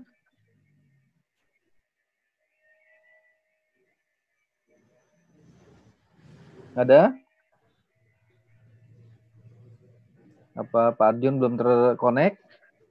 Kalau misalkan belum terkonek tadi satu mungkin Bu Iren ini sudah masuk. Bu Krista ini sudah uh, masuk tapi kameranya belum hidup. Uh -uh. Atau nah ini ada Pak Ahmad Jauhari. Kebetulan Pak Ahmad Jauhari ini kebetulan beliau adalah petani bawang Ketua Asosiasi Bawang Indonesia, Pak Johari. Operator silakan untuk dimut Pak Johari. Nah, silakan Pak Johari. Nah, beliau praktisi ini. ya, silakan Pak Johari. Yang hormat Bu Endang, satu alumni dari PSE. Baik, eh, masalah subsidi pupuk tentu kita harus memahami betul bahwa sasaran kita adalah petani, di mana pupuk itu di dalam struktur ongkos, struktur biaya, itu hanya 9, sekian persen menurut BPS. Sementara untuk upah tenaga kerja itu 48,8 persen dan sewa lahan 25,6 persen. Nah, sasaran kita ini adalah yang hanya 9,4 persen biaya petani yang ditanggung oleh petani dalam usaha tani tadi. Di dalam 9,4 persen itu, 3 persen itu adalah dari pupuk organik. Nah, pupuk organik ini walaupun kecil, memiliki peran yang sangat penting. Karena kekhawatiran kesuburan tanah yang semakin berkurang maka akan mempengaruhi efisiensi penggunaan pupuk anorganik. Karena pupuk organik inilah yang me mengaktifkan penyerapan pupuk ke dalam tanaman. Pak Dr. Agus Papahan malah memberikan contoh yang ekstrim. Kalau kita memberikan pupuk di padang pasir yang tidak ada organisme, tidak ada pupuk, organik, ya tidak akan berguna sama sekali. Ya. Artinya, yang walaupun 3% ongkos ini pupuk organik, yang peranannya sangat besar dalam penyuburan tanah, eh, tadi juga Pak Dirjen sudah mengatakan akan ada pupuk organik cair juga masuk dalam subsidi, saya kira ini menggambarkan bahwa pentingnya pupuk organik. Nah, saya semacam usul lah ya, saran atau usul atau pendapat bahwa untuk kesuburan tanah ini harusnya menjadi tanggung jawab pemerintah. Katakanlah bahwa ada semacam skim antara kerjasama antara BUMN dan Pemda setempat untuk menyuburkan tanah-tanah lahan pertanian. Nah, sehingga secara sinergi antara subsidi pupuk yang anorganik dengan program yang dulunya subsidi organik yang tadi ada permasalahan yang sangat kompleks, saya tahu persis eh, permasalahan organik tadi yang sampaikan Bapak Ketua APNA dan kualitasnya dan sebagainya. Nah ini kalau ini menjadi tanggung jawab atau menjadi program pemerintah, katakanlah disebut program peningkatan kesuburan lahan pertanian, itu di, disinergikan dengan program subsidi yang ada. Karena subsidi organik ini banyak permasalahan teknis, teknologi dan sebagainya. Saya kira ini akan menjadi suatu apa hmm, suatu usulan. Ya. Yang berikutnya yang ingin saya komentari begini. Yang 48,8 persen yang struktur biaya untuk upah tenaga kerja, Kementerian Pertanian pun juga sudah melakukan bantuan alsitan dan sebagainya. Yang patut kita pertanyakan, kita kaji kembali keberlanjutan uh, masalah alsitan di lapangan. Nah, tenaga kerja, tadi Bu Bu juga ada padat karya. Ini kan sesuatu yang sementara Alsintan tidak padat karya, tapi ada program padat karya dalam suasana COVID ini. Saya kira yang intinya yang kami sampaikan tadi mengenai organik yang dengan permasalahannya dapat segera ditegakkan. Saya kira itu Pak Moderator. Terima kasih Pak Jul. Oke, uh, terima kasih Pak Jawari. Nah, kebetulan beliau ini senior juga nih. uh, baik, uh, selanjutnya mungkin ada dari Gorontalo tadi, Pak Arjun, apa sudah uh, on? Pak Arjun, apakah sudah on? Atau Bu Iren? Atau Bu Kris? Uh, Halo. Krista. Arjun, Gorontalo, ya, silakan Pak Arjun dari Gorontalo, silakan. Ya, Srenhan. Assalamualaikum warahmatullahi wabarakatuh. Salam sejahtera untuk kita semua. Bil khusus kepada Ketua Umum Katena Nasional Pak Winarno, Pak juga seluruh sahabat Katena seluruh Indonesia yang terlibat langsung dalam uh, diskusi hari ini. Dan uh, wabil khusus kepada Ibu Endang, Komisi 4 DPR RI sebagai wakil rakyat yang merakyat Amin. Kami melihatnya seperti itu. Tidak mengikat saya kepada para narasumber yang lain.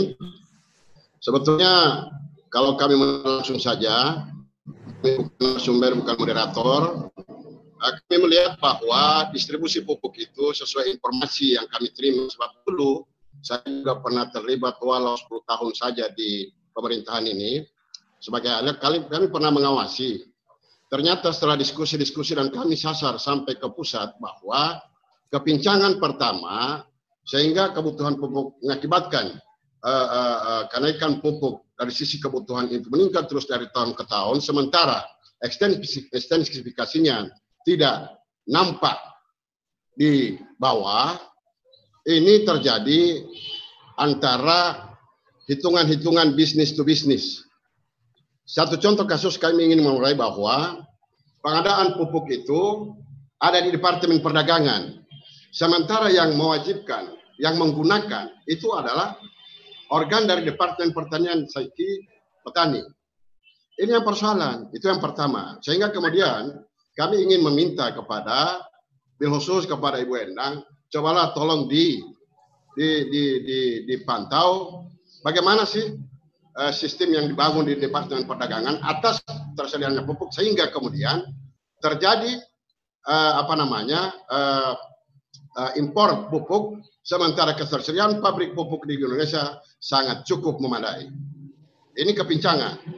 Yang kedua, kami agak tertarik dengan uh, begitu banyaknya regulasi yang ada termasuk uh, distribusi pupuk itu sesuai dengan uh, apa namanya kebutuhan petani. Yang kami lihat hari ini uh, didistribusi dari sebagian daerah, terutama Jawa, Sumatera itu sudah menggunakan kartu tani. Kami lihat indikatornya di tabel dari ibu pembicara yang bahwa uh, dalam menuju T sukses 7 T ini mungkin 8 T kata pembicara tadi yang paling khusus itu adalah penggunaan kartu tani. Kami melihat kuota pembagian kartu tani itu hanya menyebar rata-rata di tanah Jawa dan Sumatera. Tolong digarisbawahi, kami di Sulawesi juga butuh kartu tani itu. Kenapa? Karena kepincangan tetapi kemudian kami juga berhitung bahwa faktor manusiawi menjadi ASN itu mereka adalah punya kewenangan untuk penyalur. Mana tahu, mana tahu, mana tahu. Karena kita KTNA tidak ada pengawasan. Bahwa yang membuat RDKK itu eh, menerapkan KKN. Wallahu a'lam Dan ini kenyataan. Kami rasakan di lapangan. Ini ini yang perlu. Dan kemudian perlu dipikirkan harus ada alokasi tepat butuh, bukan tepat guna, tepat butuh. Misalnya petani ini Bu, Bu Endang bukan hanya uh, petani sawah, kami petani lahan kritis pun, tahan tani tanah, tanah, tanah hujan atau perkebunan perlu digairahkan dengan pupuk. Hasil kami rata-rata cingke ini Pak di daerah daerah-daerah terutama saya lihat Maluku dan sekitarnya sama dengan Gorontalo hampir rata-rata tidak tersentuh pupuk. Kami beli bu dengan harga non subsidi. Ini perlu alokasi dari departemen atau para pemikir penyalur pupuk ini, terutama pupuk Indonesia harus di, harus dipantau berapa kuota uh, distribusi pupuk untuk para petani pekebun. Begitu juga ke kehutanan. Ini yang harus diperhatikan oleh pemerintah sebab regulasi sangat menunjang. Nah, kami berharap inti poinnya adalah pengadaan kartu tani. Kami mohon kalau kami lihat tadi Gorontalo itu nanti tahun 2024 atau 2023. Kami minta untuk tahun 2020 itu biarlah kasih lo kami 15 persen dari jumlah petani yang ada atau 20 persen dialokasikan ke Gorontalo. Kami diskusi dengan kepala dinas pertanian. Katanya penyaluran pupuk hanya melalui DKK. Di sini kepincangan. Kepincangan di situ Bu, Bu Endang. Mohonlah rekomendasi ini saja. Billahi fisabilil haq. Wassalamualaikum warahmatullahi wabarakatuh. Waalaikumsalam warahmatullahi wabarakatuh. Ya, terima kasih Bang Arjun. Singkat, padat, dan menusuk katanya. Baik, uh, selanjutnya mungkin ini kita udah uh, uh, masuk ke ada Bu Krista. Ini sudah aktif tapi minta mohon untuk kameranya diaktifkan Bu Krista. Ini dari praktisi kita dari Universitas Jember. Dari akademisi kita. Bu Krista sudah hadirkah? Ya, Bu Krista. Ya. Sudah bisa dengar? Uh, sudah bisa komunikasi Bu Krista? Ya. Ya. Nah, dari Universitas Jember ya Bu ya? Dari Politeknik Pak. Oh Politeknik. Oh silakan. Iya, silakan silakan Mbak. Politeknik Jember.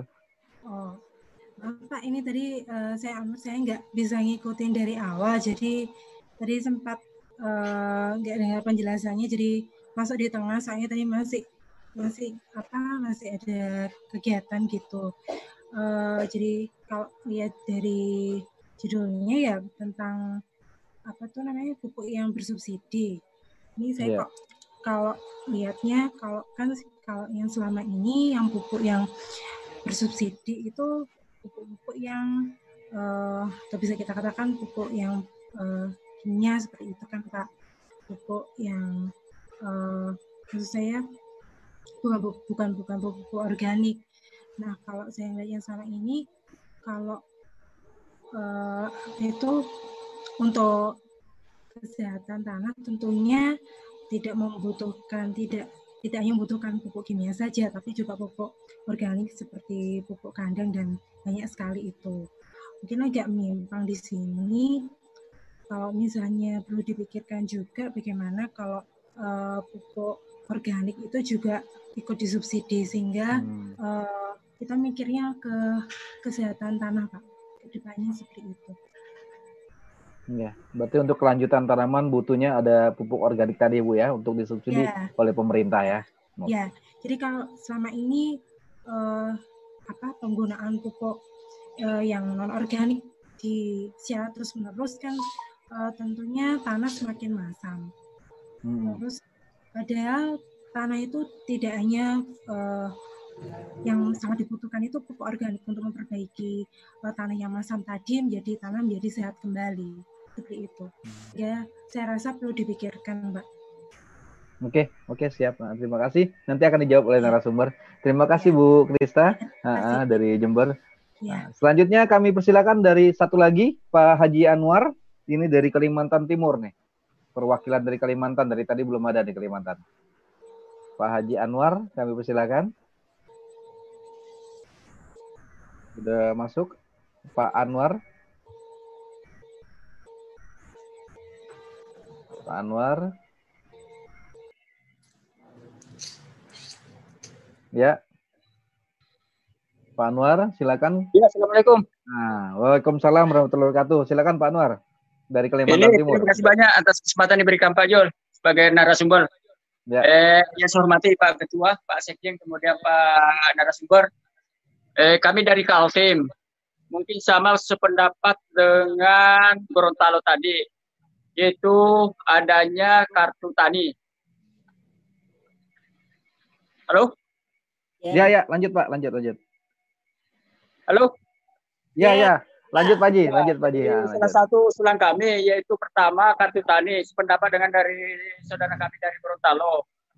Kemudian subsidi pupuk, eh, berbicara masalah subsidi pupuk, mungkin ada pengawasan yang ketat karena aku lihat subsidi di sini khususnya di Kalimantan Timur tidak terlalu apa ya namanya.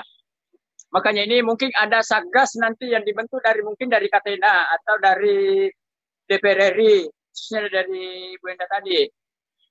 Dan juga banyak keluhan juga disampaikan Pak Jol, Pak Ketua Katena, hmm. Pak Winarno, bahwa susu eh, pupuk subsidi itu kok beda katanya yang non subsidi yang pupuk sub, eh, non subsidi itu biasanya kita pakai dua karung, kalau non subsidi satu karung aja. Jadi entah bagaimana pihak pemerintah di sini regulasinya sehingga ada perbedaan. Memang betul di harga beda. Tetapi maunya masyarakat kami petani di Kaltim antara subsidi dengan non subsidi harus sama. Kualitasnya Pak ya? Iya, kualitasnya. Kami mengalami sendiri Pak narasumber kebetulan kami juga eh, ketua Asosiasi Petani Jagung Kalimantan Timur lebih lebih bagus kita pakai yang non subsidi soalnya tingkat efektivitas kemudian apanya kosnya juga betul tinggi tetapi aktivitas pekerjaan itu cepat biasanya kita pakai misalnya satu hektarnya misalnya gini dua kuintal kalau non subsidi tetapi kalau subsidi itu paling paling satu kuintal jadi kualitas ini yang dipertanyakan para petani. Kemudian ya. entry point-nya mungkin ada satgas khususnya eh, mengawasi subsidi pupuk sampai betul-betul yang menikmati adalah petani, bukan yang menikmati para pengusaha sawit yang besar atau pengusaha besar. Hmm. Mungkin ini untuk sementara, Pak Jul, Pak Ji. Ya, terima kasih Pak Anwar. Terima kasih masukannya memang sangat ya. dibutuhkan. Terima kasih banyak. Baik, Uh, para narasumber tadi uh, sudah ada uh, empat penanya yang sudah memberikan hampir kebanyakan semuanya dari petani langsung dan satu orang praktisi. Hampir kebanyakan semuanya sistem pengawasan serta sistem pendistribusian. Bahkan yang terakhir tadi Pak Haji Anwar menanyakan tentang uh, pendistribusian tentang pupuk yang jangan uh, tidak hanya pupuk uh, penerima dari seperti perkebunan yang besar, tapi langsung ke petani gitu yang terjadi. Baik, uh, kami persilakan untuk selanjutnya mungkin dari Pupuk Indonesia. Baik, uh, ya. mengenai pertanyaan yang ada relevansi dengan saya mungkin dari Pak Anwar ya dari Pupuk Kaltim yang menanyakan adanya perbedaan kualitas antara subsidi dan non subsidi. Sebetulnya tidak ada Pak. Yang membedakan hanya warna saja. Jadi kalau untuk urea sama-sama 46% nitrogennya. Eh, NPK juga sama. Eh, jadi hanya di warna saja. Itu pun eh, perbedaan itu ditujukan bukan untuk membedakan kualitas, tapi supaya pengendalian saja. Jangan sampai ada pupuk bersubsidi yang harganya murah masuk ke wilayah non subsidi. Bahwa kemudian harus terjadi satgas, saya setuju Pak. Jadi memang jangan sampai ada pupuk-pupuk yang subsidi itu diselewengkan. Itu yang sering kali menjadi berita-berita itu adalah hal-hal seperti itu. Tapi sekali lagi terkait dengan perbedaan eh, kualitas, saya kira tidak ada Pak jadi satu karung untuk eh, subsidi sama, satu karung juga khasiatnya untuk non subsidi. Demikian. Kalau untuk pertanyaan lain dari Pak Otong, saya kira eh, kalau mau KTNA mau menjadi anggota KP3, itu setahu saya memang tinggal diusulkan saja Pak. Kalau KP3 itu kan ada yang tingkatan nasional, provinsi, dan hmm. eh, kabupaten. Itu ketuanya itu adalah eh, kepala daerah yang bersangkutan. Jadi tinggal langsung diusulkan. Lama-lama busuk. Christine dan Pak Zuhari saya kira tidak ada isu untuk saya. Demikian, Oke. terima kasih Pak Moderator. Ya, terima kasih Pak atas masukan dan informasinya. Mungkin memang sangat perlu juga sih untuk KP3 ini karena uh, teman-teman untuk masalah monitoring yang ada di lapangan mungkin bisa bergabung di situ Pak ya, di KP3 tadi ya. Oke. Ya. Baik, uh, selanjutnya mungkin kita sudah masih ada Ibu Endang. Untuk Ibu Baik. Endang, kami persilakan. Iya. Baik Pak, saya setuju itu Pak KP3. Cuma hmm. sekarang kan anggaran itu sedang dikurangi besar-besaran.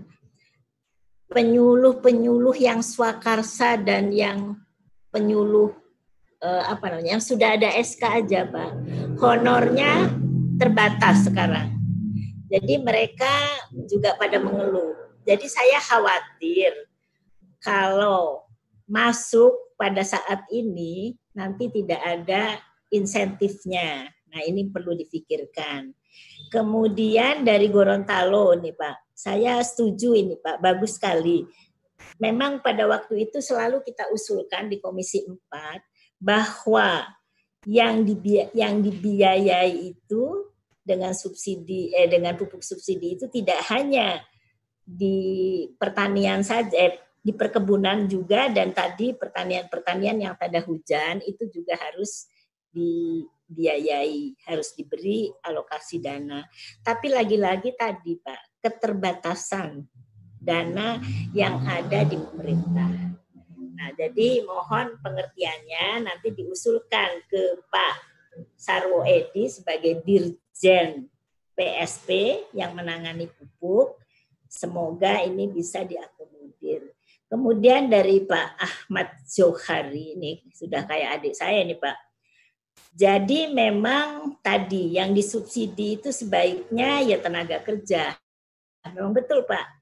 Nah makanya kita di Komisi 4 selalu mengkritisi nih bahwa subsidi itu sebaiknya tidak hanya pupuk, apalagi pupuk ini jadi kendala di lapangannya. Banyak manipulasi Eh, data dan diselewengkan oleh oknum-oknum. Sehingga tadi mungkin Pak yang dialami oleh Pak Haji Anwar tentang kualitas itu ada oknum yang yang ngomporin itu Pak, yang ngomporin padahal kualitasnya sama hanya warnanya tapi tadi ditumbak tunggangi oleh oknum-oknum tertentu yang menyatakan bahwa kualitas pupuk yang tidak bersubsidi jauh lebih bagus. Nah, ini juga PR kita bersama, Pak. Mengenai kartu tani, Pak, saya malah di Komisi 4 itu dibahas, Pak. Malah sebaiknya kartu tani itu ditunda, Pak. Kenapa?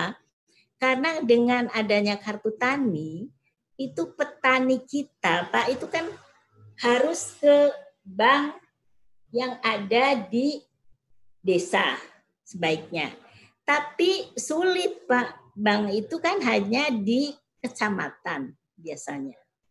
Nah, jadi kartu tani ini sekarang lagi dibahas juga dan tadi Bu Mus menyatakan baru 65% di Jawa pun belum 100%. Belum lagi tadi Pak, ATM di tempat saya nih Pak, di Kota Bogor, di Baranang Siang, itu juga karena sinyalnya eh, jelek, kemudian listriknya sering mati, sering ambil ATM aja susah, Pak. Nah, apalagi petani misalnya harus jalan jauh, kemudian masuk ke eh, bank itu kan dikelola oleh bank pak, oleh Himbara Persatuan Perbankan di Indonesia. Nah ini saya khawatir justru, khawatirnya tadi yang maksudnya baik mendata petani dengan akurat, tapi eh, pada pelaksanaannya tidak sesuai dengan harapan kita. Kenapa? Karena tadi jangan lagi petani, Pak. Ini aja tadi, Bapak moderator, untuk uh, diskusi dengan virtual ini. Masih banyak kan Pak yang nggak bisa nyambung. Nah, jadi saya berharap dengan kartu tani tadi ada evaluasi Pak. Memang harus bertahap Pak. Bertahap yang pertama pendidikan dari petani, sosialisasinya. Kemudian perbankan juga jangan terlalu birokrat Pak. Saya saja mau ngadep kepala cabang ini susah Pak memang bisa mudah kalau kita di lingkungan DPR. Mereka tahu kita sibuk, jadi langsung. Tapi kalau begitu di cabang-cabang, Pak, sudah ngantrinya, belum lagi tadi lokasi bank itu tidak hanya tidak ada di lingkungan eh, area pertanian. Nah, ini juga PR kita bersama. Nah, dulu saya sempat juga Pak mendesain untuk bank pertanian Nah, sekarang saya rubah karena tadi perbankan itu selalu sulit Pak untuk mengaksesnya. Nah, jadi mungkin kita ada lembaga-lembaga pembiayaan yang di sekitar lokasi pertanian dan dikawal oleh KTNA. Nah, KTNA ini saya sudah lama ikut Pak Winarno ini.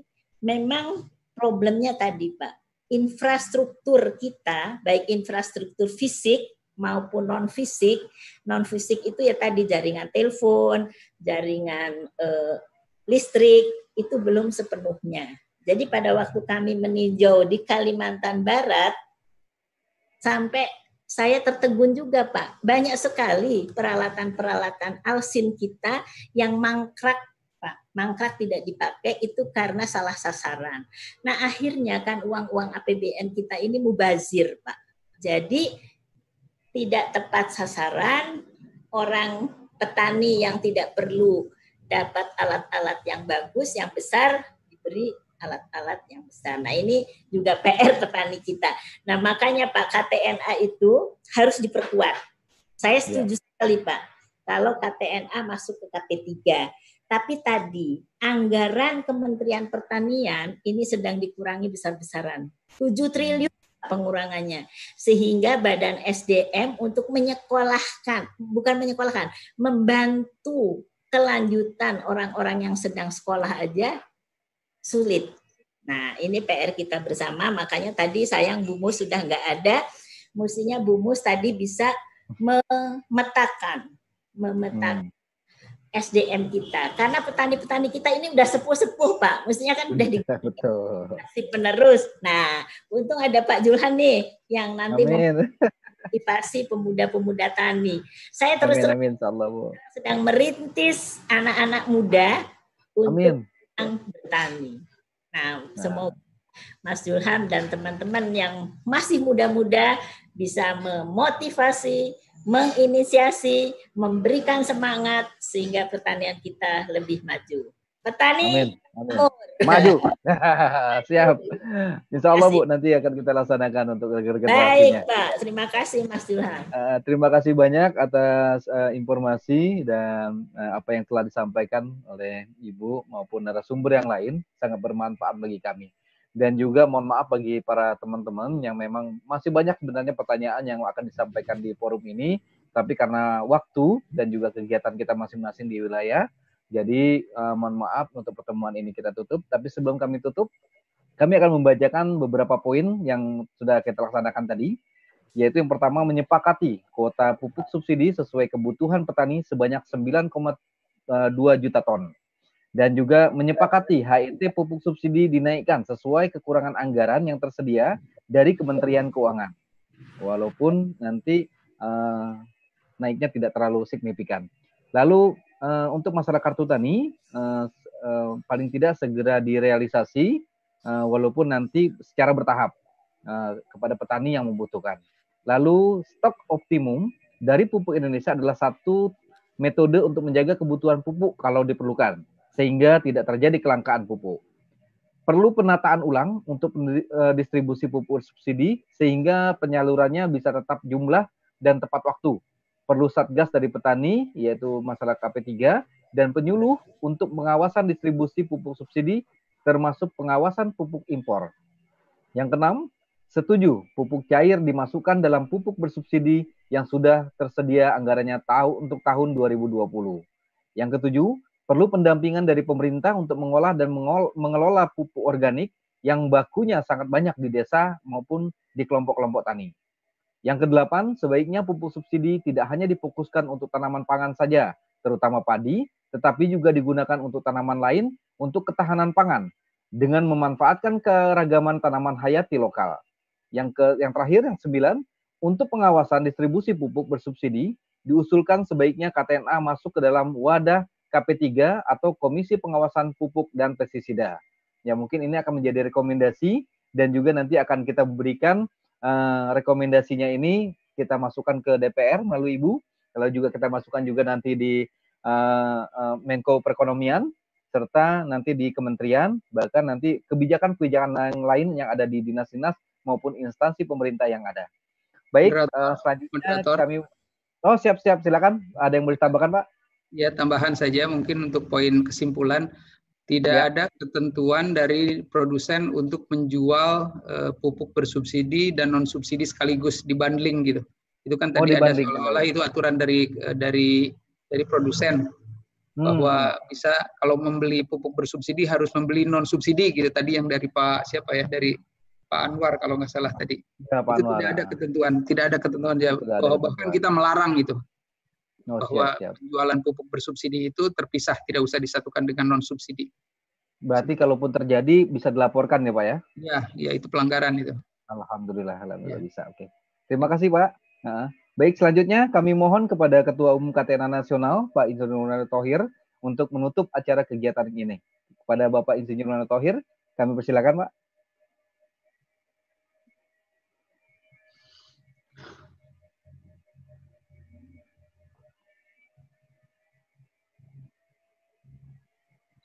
Operator untuk Pak Win, kami persilakan untuk masuk ke ruangan.